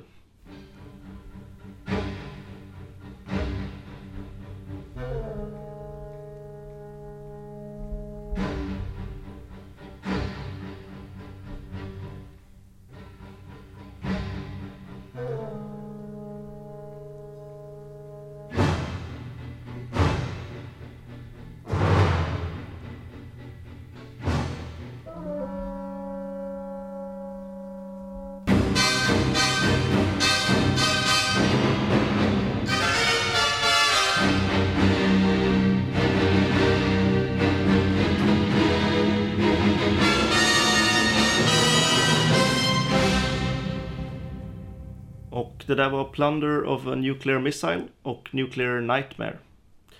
Och nu så vill jag ta upp det som är mitt favoritspår faktiskt. Och det var som alltid väldigt svårt. Eh, här var det eh, för att inget spår riktigt har fastnat hos mig. Eh, jag har lyssnat väldigt mycket på soundtracket den senaste veckan. Eh, lite mindre om man ser till hela mitt liv. Men eh, hittat ett kort spår som jag faktiskt tok diggar. Eh, det är kortare än en, en, en minut, men det finns ett spår som heter Bond smells a rat, eh, snedstreck Nurse Blush. Och den andra delen i låten, då Nurse Blush, har en så himla skön vibe tycker jag. Det är mutat blås, tamburin och stråk som spelar nästan en maffialiknande musik som jag tokdiggar. Inte så värst bondig men musiken är väldigt bra. Den påminner en del om musiken till The Untouchables av Ennio Morricone. Som jag också gillar. Eh, så det är nog mitt favoritspår. Eh, jag tycker vi kan lyssna lite på det.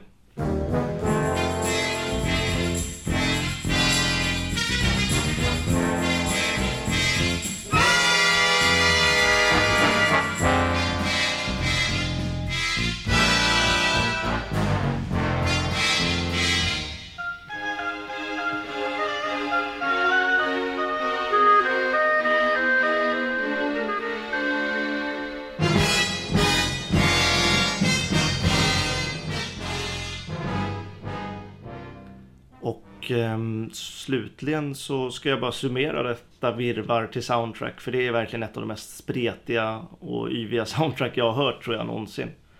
Ehm, det innehåller allt ifrån porrfilmsmusik, en eh, tango, lite modernistisk storbandsjazz. Det är liksom hela spektrat. Ehm, jag blir lite förvånad egentligen att Michel Legrand tackar ja, för det känns som en otroligt eh, märklig film för Michel Legrand att göra. Faktiskt. Eh, jag hade mer köpt om kanske Allan Silvestri eller James Horner hade gjort musiken, men nåväl. Eh, Eh, På tal om det. Var typ inte James Horner tillfrågad? För mig att jag läste någonstans. Ja. Jo, jag har för mig det. Jag, jag, jag har hört hans namn. Det stämmer, men Connery valde bort han i förmån för Legrand. Det var väl, det var väl Schwartzman som ville ha Horner tror jag. Så det var ju han som propsade för honom. Han hade kunnat göra ett väldigt bra soundtrack till den här filmen. Bättre än Michel Legrand i alla fall kan jag tänka mig. Ehm, men jag tycker att det är inget spår på soundtrack, för mig i alla fall, får ge mig Bond-känslan. Kanske också för att eh, det stora som saknas är ju Bond-temat. Men även annan musik kan ju kännas bondig. Eh, men det gör det inte här, tycker jag. För det känns, det känns för för jazzigt och för lite orkestralt för mig. För att det ska, ska liksom klaffa. Eh, och det, ja, det faller mig inte riktigt i smaken. Det är för modernistiskt och inte tillräckligt romantiskt. Och sen tycker jag, jag, ty, jag tycker inte riktigt att det är bondigt helt enkelt. Och det, det är lite, musiken sticker ut för mycket på ett, på ett dåligt sätt. Och så, så ska det ju inte vara såklart.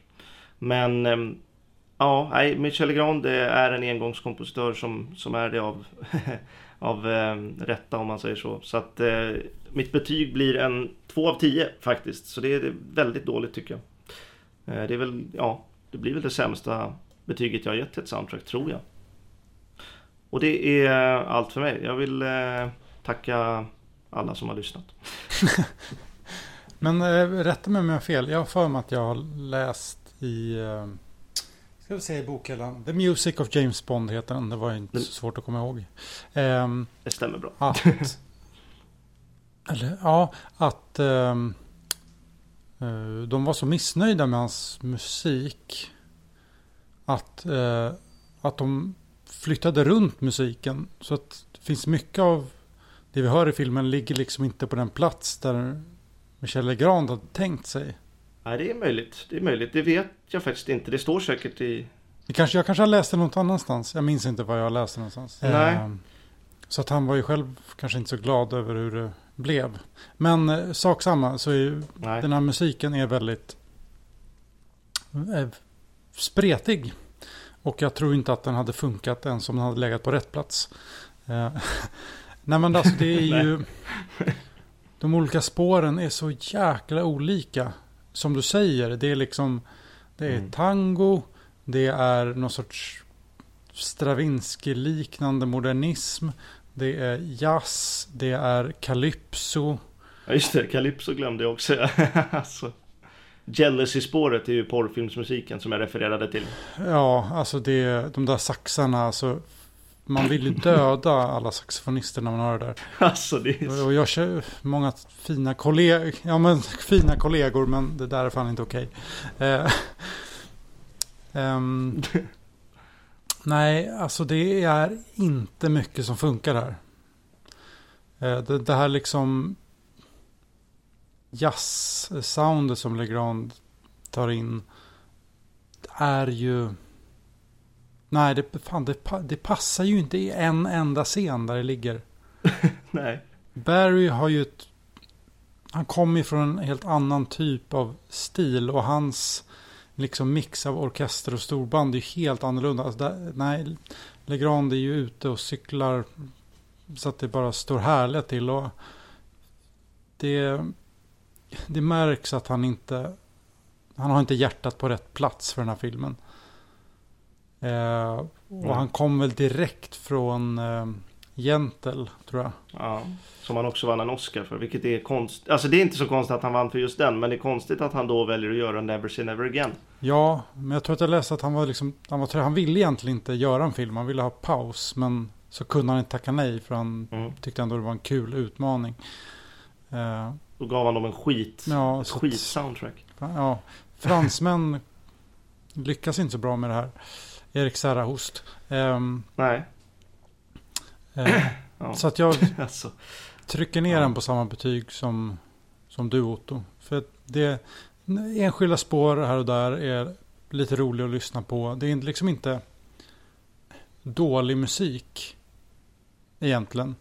Något spår, men det är ett Nej. dåligt liksom, soundtrack. Den gör inte det den ska göra. Ja. Det finns ingen röd tråd. Eh, mycket konstiga grejer som försiggår. Men Tango to the Death, bästa spåret. Det är, fan, det är, det är Mm. bra. bra. Bra grejer, bra musik. Passar väldigt Mm. bra i filmen och i scenerna där det används. Ja, jag vill bara flika in det med, eh, med eh, just eh, de, de soundtracks som har fått likvärdiga betyg. Jag tror det är Spectre, Goldeneye och Dr. No. Där finns det ändå spår som jag tycker är bondiga i alla de soundtracken. Det gör det inte här. Därav att jag drar ner den på, på 2 av 10. Och sen att Barry, det, det Michel Legrand egentligen har eh, använt, den procenten han använder, gör jazz av, är egentligen det Barry använder orkester i sina scores, om ni förstår vad jag menar. Eh, så att han, han gör tvärtom mot Michel Legrand på det sättet. Alltså jag måste ju gå in och säga emot det på en punkt här. Och det är det att det här skulle vara bra musik men inte bra Bondmusik. Det är ingen bra musik någonstans, det här soundtracket är en påse skit. Det är en, Jag har inte sagt att det är bra musik i och för sig, men eh, det var Rickard. det, Rickard sa det. Eh, Men alltså det, det är ju... Det är en blandning av i stort sett tecknade 40-tals Disney-sketcher och hissmusik tillsammans med lite porrjazz och en tango. Alltså, Lät som en Stefan och Krister-fars. jag lyssnade lite på det här eh, under dagen och jag stod i kön på Pressbyrån och eh, under tiden jag stod i kön så spelade spåret Bond and Domino. Och det är verkligen, det passade så otroligt mycket för att stå i kö i Pressbyrån. För att det är i stort sett, ja men hissmusik eller bakgrundsmusik i någon så här lounge som ingen egentligen kommer lyssna på. Det är bara att man vill ha någonting som fyller ut en, en ljudet. Och det är Ja. vad den här musiken är. Det är utfyllnadsljud i stort sett. Det är hissmusik och det är skit bara. Det är totalt värdelöst. Ja. Vissa score eh, som inte är bra Bondmusik kan vara bra musik. Jag tycker exempelvis Skyfall är ett- ett exempel på det, men det här tycker inte jag är bra någonstans. Det finns något enskilt spår här och där som funkar som musik, men i det stora hela så är det här riktigt dåligt. Eh, actionmusiken Ja. ska vi inte ens prata om, alltså viss musik som används i actionsekvenser, det hade kunnat användas när Bond går igenom en passkontroll och ingen hade tyckt att musiken hade varit konstig. Det, nej, det här, det här är inte bra någonstans. Eh, Nej. jag ger det ändå samma betyg, 2 av 10, och eh, bästa spår är Un chanson d'amour. Ja, det är vackert. Bond eh, and Domino känns ju för övrigt som något som ska ligga typ när det står vad som kommer på SVT1. när man bara ser texten rulla vad det är liksom. Det Ja. står lite Kobra, det står Exakt. På spåret. Då ska det vara den musiken. Och man skiter ju, man skiter ju fullständigt i den. Ja, Vi lyssnar lite på Bond and Domino så får ni höra SVT-musik. Nu kör vi.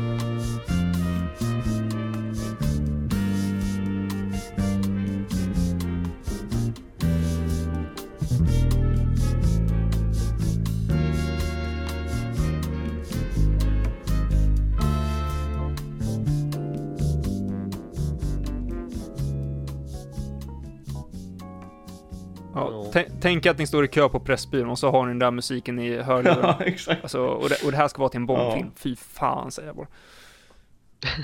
Ja, jag håller med dig. Jag håller med dig. Fy fan. Emanuel. Gå in och hylla nu. Jag kommer inte hylla det här, det kommer jag inte, Nej, det är helt omöjligt Det går inte För att det är sällan en film förstörs av musiken så pass mycket som det blir här Det finns en del scener i filmen som jag inte lyft men som jag ändå gillar men som sänks för att musiken är så katastrofalt dålig.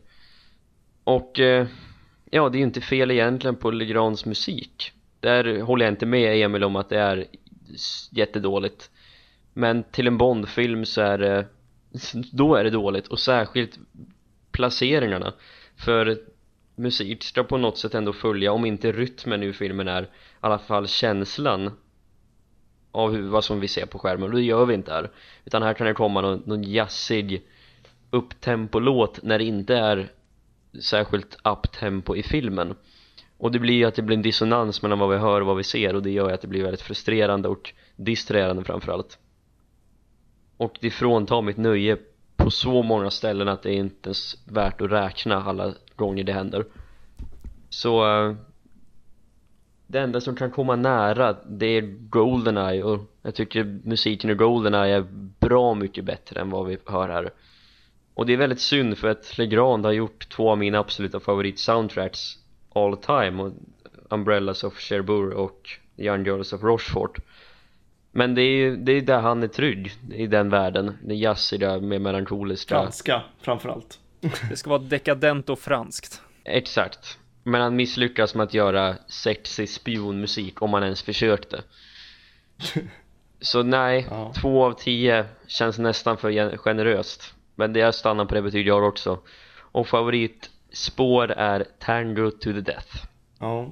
Jag kan ju bara säga det som slutord för musiken är ju att Även om Legrand, han, alltså som alla engångskompositörer och kompositörer överhuvudtaget kommer in och gör sin grej och sitt sound. Och ibland fungerar det inte. Men även Newman som jag sågade totalt i, i de två eh, filmerna han gör, så är det ändå enhetligt.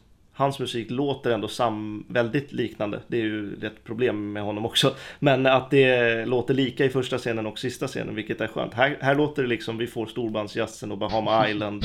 Och det är liksom, det, man, man vet aldrig vad som kommer härnäst. Det är liksom som att han står och improviserar samtidigt som han tittar på filmen. Och det så ska det ju liksom inte vara. Det är ju ingen liksom, improvisationsshow. Så att, nej, två av tio blir det ju av alla faktiskt. Härligt att, härligt att vi är eniga. Vi får se hur eh, eniga vi är om filmen i stort, för det är nämligen det vi har kvar att göra. Sammanfatta filmen. Och ehm, jag har faktiskt precis innan här lottat ordningen som vi ska prata i. Och jag är verkligen inte glad över utfallet här, för det är nämligen jag som börjar. Eh, jag, hade, Jag är väldigt glad kan jag jag, hade ju kunnat fuskat här, för ni har ju inte sett min lottning, men eh, jag vill ändå försöka att vara ärlig och ta, ta en för laget. Så vart börjar man med det som är Never Say Never Again? Jo, eh, kan väl börja med det vi har pratat om sedan tidigare, att den här filmens absolut största problem är manuset. Manuset är ett haveri, den saknar tempo, alltså en jämförelse till Thunderball bara. Thunderball är förvisso en film som berättas långsamt och det finns folk som tycker att den är seg för att den är för långsam. Men den stannar aldrig upp. Den rör sig alltid framåt. Visst, långsam, men den rör sig alltid framåt. Never Say Never Again stannar upp långa stunder. Där den bara står på samma ställe. Och det är ett sänke över hela filmen egentligen. Det, den är konstig i sin konstruktion, den är Ja, nej, manuset sänker verkligen den här filmen. Och sen är det nästa bit som gör att den, den känns inte som en Bondfilm överhuvudtaget. Eh, och det är lite de här små sakerna som jag har nämnt eh, med eh, under, under filmens gång. Men det, det är så mycket här som att det, det, det är så tydligt att de som jobbar med det här inte egentligen har någonting med vad Eon gör eller ens som Kirchner ens har sneglat på Eon, för de gör någonting helt annat och det gör också att det känns som en generisk actionfilm. Det känns inte som en Bondfilm överhuvudtaget. Den saknar de där små sakerna som gör att en Bondfilm blir en Bondfilm. Man behöver inte ha bombtemat, man behöver inte ha Gun Barrel. Visst, det är bra om det finns, men de, de är inte liksom grundläggande för att kunna, man kan skapa en Bondfilm utan det. Casino Real, bra exempel på det. Det finns ingen ordentlig Gun Barrel i början och Bond-temat spelas bara i sin fulla prakt precis i slutet. Och ändå så känns det Bond rakt igenom i den filmen, men det gör det inte här. Musiken bidrar givetvis till det och eh, musiken är värdelös och bara totalt sabbar många scener. Men jag ska inte helt eh, racka ner på den, för det finns ändå styrkor.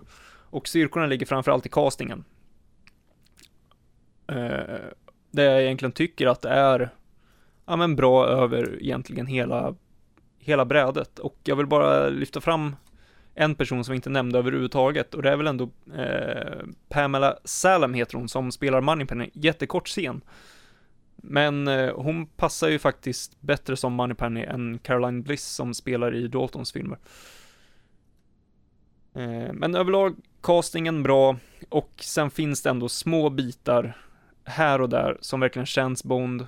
Eh, jag tänker på eh, scener i kontrollrummet, eh, eh scenen när eh, Petacci åker igenom kontrollen, eh, några scener med eh, Connery, det är bitar här och där, de är korta, kanske 10 sekunder, 30 sekunder, men de små bitarna ger mig verkligen ganska mycket i det här, Eh, i den här filmen, och jag tycker också att filmen inledningsvis faktiskt är inte så dålig. Eh, den har inledningsvis ett bra tempo, men den kanske i samband med fighten på Shrublands, men absolut när de åker till Bahamas så tappar den här filmen ordentligt. Betyg, eh, jag sneglar lite på vilka betyg jag har. Jag har Dine Another Day på en etta, så dålig är den absolut inte. För till skillnad från Dine Another Day så har den den här vissa bitar som faktiskt känns genuint Bond.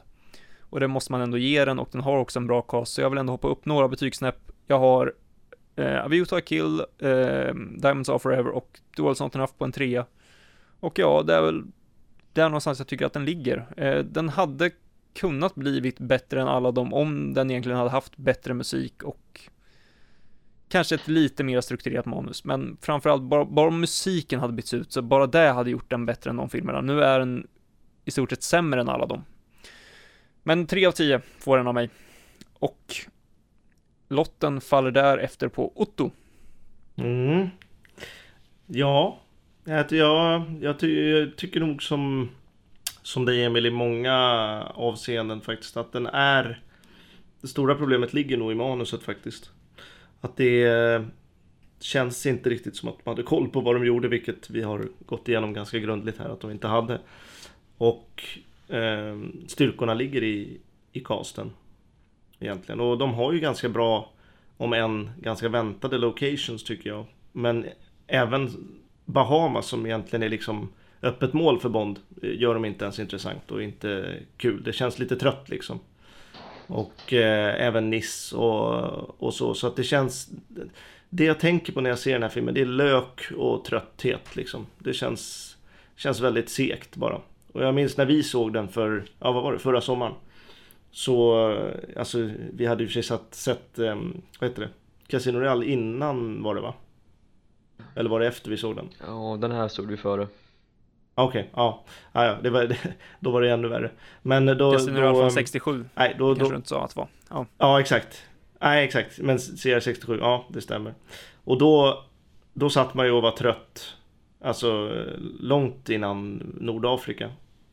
Eh, och så ska det ju verkligen inte vara i en Bondfilm tycker jag. Då ska man ju liksom vara sugen på, på klimax och, och vara sugen på att följa handlingen. Eh, och det tycker jag, det är jag inte här. Jag tycker det är en, en väldigt ointressant film på, på nästan alla plan. Eh, musiken, ett stort minus för mig. Eh, med bra musik hade den definitivt kunnat hoppa upp ett poäng. Ehm, men det är ett väldigt, ja, ett av de mest spretiga soundtrack jag har hört och det, så, så ska det ju inte vara liksom. Men eh, Brandauer, väldigt bra skurk. Eh, Topp 10 i, i Bond-filmerna för mig. Och eh, jag gillar, jag tycker Connery, är- ja, men han är hyfsat, hyfsat bra. Gillar Edward Fox också som M. Eh, men ah, storyn, nej sådär alltså. Men eh, jag vet inte, betyget, jag satt också och sneglade lite på vad jag, vad jag hade gett filmerna tidigare. Och ehm, jag har ju the Day på 1 av 10 och så, så dålig är den inte. Jag vet inte, har ni gett halva betyg? Det har vi, har vi väl gjort Det va? är lite olika vad man själv har velat tror jag. Okej, okej. Ja, nej, för jag har ju sen um, Quantum of Solace på 2 av 10. Och ehm, ja, den är väl i, i princip 2 av 10. Så det får nog bli 2 av 10 helt enkelt för, för Never Say Never Again, precis som musiken. Eh, det är ju inte en, en bra Bondfilm och jag får inte Bond-känsla av den. Alls, faktiskt. Never say never again, lika dålig som Quantum of Solace, då känns det ju helt naturligt att gå över till Emanuel. Mm, absolut. Uff, bra övergång där. Det svider att höra att du säger sådana saker Otto. Mm. Jag ska göra så att det svider sen också. Oj. Nej men eh, Den här filmen alltså. Det är svårt att eh, ens prata om den just eftersom att Den har en så pass konstig roll i hela Bondvärlden och hela Ens relation till Bond är stort. Men eh, det finns ett par saker jag gillar med den. Det känns som att under den här podden att jag har varit lite mer positiv än vad ni har varit. Och det kanske är så för att de här gångerna jag sett filmen inför podden så har jag haft ändå rätt bra och rätt mysiga upplevelser. Jag har sett en hel del scener jag gillat som jag inte tänkt på förut. Men också haft ett par scener som jag stör mig på väldigt. Det första och kanske största det är att jag känner att Connery är egentligen bara där för pengarna. Visst, han är mer fysisk än vad han var i både Diamonds of Forever och i You Only Live Twice. Men jag ser inte längre glöden i honom. Jag tycker det saknas i Diamonds of Forever såg det ut som att han hade roligt i alla fall. Här känner jag inte det. Connery han ser lite för gammal ut, han ser lite för mossig ut för att jag ska kunna acceptera honom som Bond. Men det kanske har med manuset att göra. Att de inte lyckades porträttera honom rätt. Så där faller en del. Sen handlingen eh, Som vi redan har sagt Den är inte så värd att prata om för att Det är bara Det är bara en jäkla röra. Så filmens största problem är ju som ni båda har sagt före mig, manuset. Men det hjälps inte av att regin är planlös och väldigt intetsägande. Däremot så gillar jag bitvis hur filmen ser ut. Det är en rätt härlig och intressant europeisk look de har gått efter. Den ser lite fransk ut, europeisk ut på ett sätt som få andra Bondfilmer har sett ut att vara. Och den har en helt egen och unik look som ändå känns spännande i förhållande till hur många 80-tals Eon-filmer såg ut som i mitt tycke var väldigt fantasilösa. Och det finns ett par kameravinklar här och där eh, som funkar. Och samma sak med ljudet som jag tycker används väldigt originellt. Som jag förstår det så var Norman Wanstall involverad och la på ett, en hel del intressanta grejer. Så den har ett par tekniska behållningar men det sänks ju i och med att manuset är så pass svagt. Sen action finns inte så mycket att tala om för det finns knappt actionsekvenser. De få vi har ja funkar men inte mycket mer. Utan filmens riktiga behållning ligger i förutom Connery då i skådespeleriet. Och särskilt Brandauer som jag nämnde en av mina favoritskurkar från års, års de här åren, det här årtiondet. Eh, och Barbara Carrera likadant där. Edward Fox, Bernie Casey, alla gör ett jättebra jobb och eh, just delen i Frankrike från och med det att Bond kommer fram till det att klimaxet sätts igång någonstans i Nordafrika så tycker jag att det är genuint roligt. Jag får nästan mer ut av den här filmen än vad jag får av vissa andra filmer från 80-talet men det är koncentrerat till vissa scener och precis som musiken så svänger det fantastiskt mellan något som är väldigt bra och något som är väldigt dåligt. Och jag får ingen enhetlig översikt av den här filmen och det gör att jag väldigt snabbt glömmer bort den efter att jag har slutat titta på den.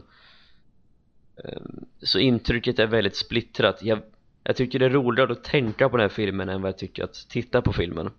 Och det är sällan ett bra betyg för en film. Ehm, och jag tycker det är jättesvårt att jämföra den mot Eons Bondfilmer då jag har en så väldigt nära relation till de filmerna och knappt någon relation alls till den här filmen. Men i och med att man har tittat på den, läst om den och levt lite med den senaste två veckorna så har jag så smått börjat acceptera den här som en, som en Bondfilm. I sin egna, egna isolerade värld då. och eh, jag lutar också mot en 3 av 10 i slutändan. Då den ändå har ett par intressanta kvaliteter och allt det jag tidigare har nämnt.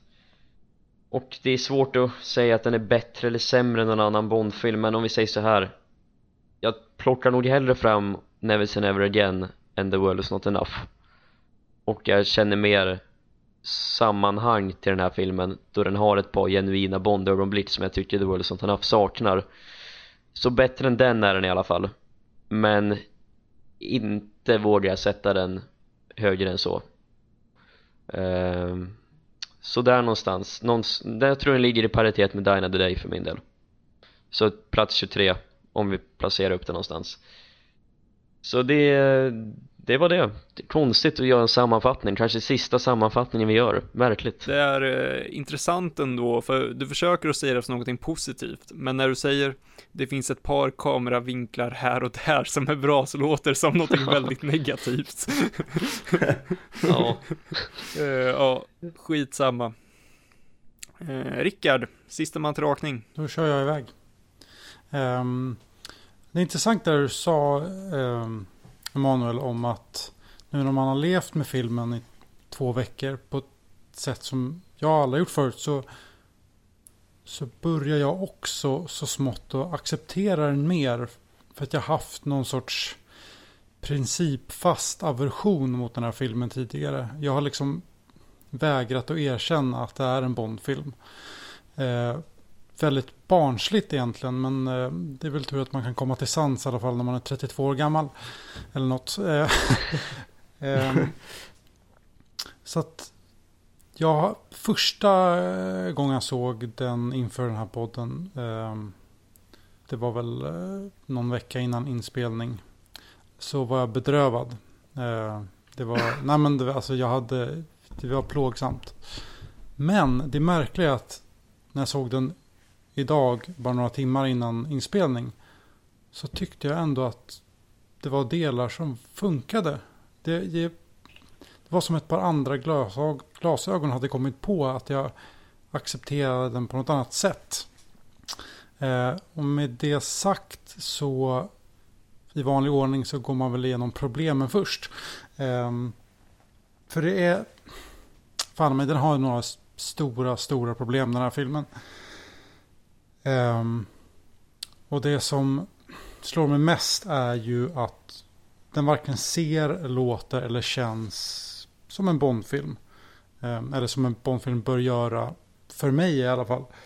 Uh, och det, Ions serie har varit så himla stilbildande. Det, ja, som du säger, man har levt med de filmerna. Den, den relationen till Ions filmer är så stark. Och då när det kommer en rivaliserande film som gör så mycket avkall på, på den stilen man är van vid. Så funkar det inte för mig. Om jag ser på en Bondfilm så är det för att jag vill se en Bondfilm. Ungefär så som jag vill ha en Bondfilm. Ehm, och det här blir mer en random film där huvudet karaktären är James Bond.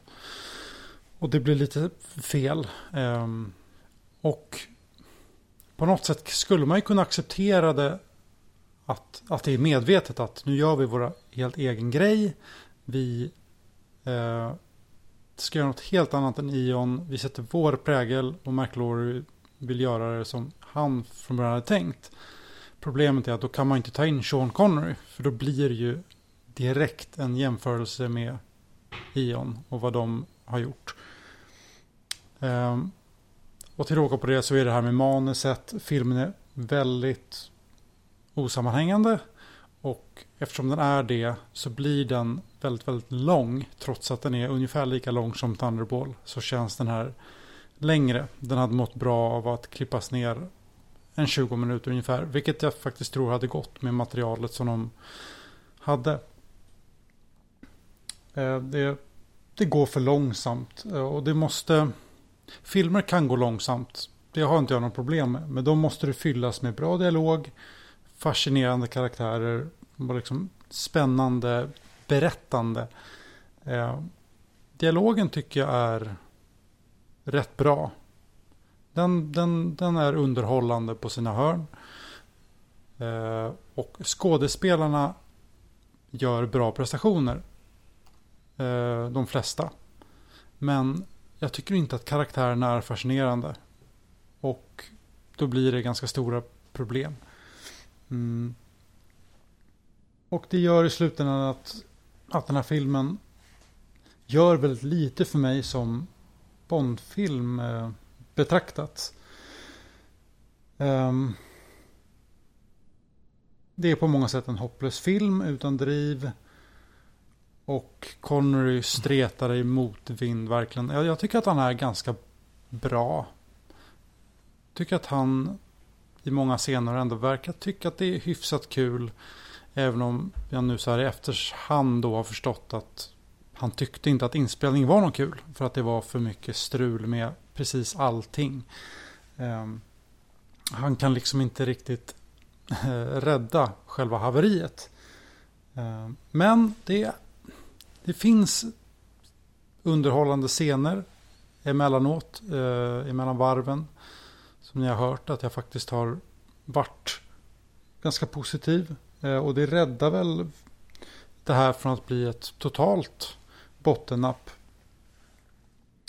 Eh, och det är väl främst Shrublands som, som funkar. Sen sluttar det långsamt utåt. Och betyg. Ja. Fasiken alltså. Det är ju. Det är ju ingen katastrof till film. Det är men det är ingen bra film. Den, den är ju inte godkänd som film och den är inte godkänd som Bondfilm. Um, den är småmysig emellanåt, men fasiken alltså. Det, det, är tvåa, trea, tvåa, trea. Eh, kan väl... Nej, två... Ja. Fasiken. Nej, men en tvåa får det nog bli. Det, det, ja. Den, den skvalpar där nere med The World's Not Enough och Die Another Day. Det, men jag har inte i alla fall fortfarande någon... Jag skulle kunna faktiskt sätta på den här filmen någon gång. Och eh, bara för att jag kanske nu har upptäckt en ny nyfikenhet för den som jag aldrig haft förut. Så att eh, det, ja, fan. Helt okej okay i sin dålighet, ja. Men eh, Alltså, jag måste säga det ändå, för jag, jag tittade också på den här två gånger inför podden. Och jag hade exakt samma upplevelse som du hade. Första gången jag såg den så kändes det smått hopplöst. Eh, jag höll verkligen på att somna väldigt tidigt. Och andra gången jag såg den så var det verkligen, alltså vissa scener som verkligen var genuint bra. Framförallt i inledningen som jag sa. Och Ja, kanske att man ändå kan börja närma sig den här filmen på ett sätt som man inte har gjort tidigare och jag håller med om det ni säger att under den här tiden som man har levt med filmen så har man kommit det närmare och det känns ju konstigt som Bond-fan att säga det att det finns en Bond-film som man inte har kommit så nära. Men det här är ju trots allt ändå om Eon är den där äh, personen som man älskar så är ju den här filmen den personens granne som man bara någon gång har hälsat lite på. Men under den här, alltså, vilken jävla liknelse. men under den här tiden som man har fått se filmen och leva sig in i den, då har man ändå känt att, ja men, nu har jag varit över hos grannen och tagit en fika och börjat lärt känna personen och, ja, han var väl ganska trevlig ändå. Kan börja älska honom också Man lyssnar på skitmusik. Kan, kanske är, är den här podden början på, kanske rent av en vänskap. Vi får se. Jag känner i alla fall det att både The World Is Not Enough och Dine the Day har enligt mig större enskilda bottennapp än vad den här filmen har. Den här filmen är bara platt i sin dålighet med ett få antal toppar medan de två tidigare nämnda filmerna, de är de har både, de har, de har Ja, det är svårt att definiera men de två tycker jag rent objektivt är egentligen sämre. Jag har mer mysig stund med det, när vi Say Never Again men på grund av att jag inte har relationen till den så känns det som en, en främmande individ Det håller jag faktiskt med om. och eh, som jag sa också, jag tycker att det ändå finns bitar som ändå är genuina, alltså känns genuint Bond. Visst, de är inte många, men de finns där. Och där känner jag nästan aldrig när jag kollar på Dine Ray. Inte på samma sätt. Mm. Eh, här känns det verkligen vissa stunder genuint klassiskt Bond. Som, alltså eh, en känsla som man får ungefär som när man tittar på, ja men Octopus som kom samma år. För vissa Octopus har man en hel film, här är det bara fem sekunder där, tio sekunder där, en halv minut där. Men det finns de små momenten. Och de små momenten är ändå väldigt givande för mig. Och eh, det där var Never Say Never Again. Och Ja, Ja. Ja, den sista Bond-filmen har avhandlats till slut. Om vi då ska ta och börja runda av så gör vi det i vanlig ordning med att eh, tacka Thomas Strugg eh, från Agent07.nu och eh, Anders Freid på From Sweden With Love. Och givetvis Anton Tander som ni hörde i förra avsnittet, men som faktiskt klipper podden. Mm. Så han är med i varje avsnitt, bakom kulisserna, Mellan raderna. så är han där. Ja, han gör ett gediget jobb alltså. Jävlar vad fint det är. Och nästa gång då blir det Otto som får snacka lite extra mycket. Då ska vi ha bokavsnitt. Nej, Eh, ja, vi dyker ner i de musikaliska bitarna lite djupare. mm. Jävligt kul faktiskt.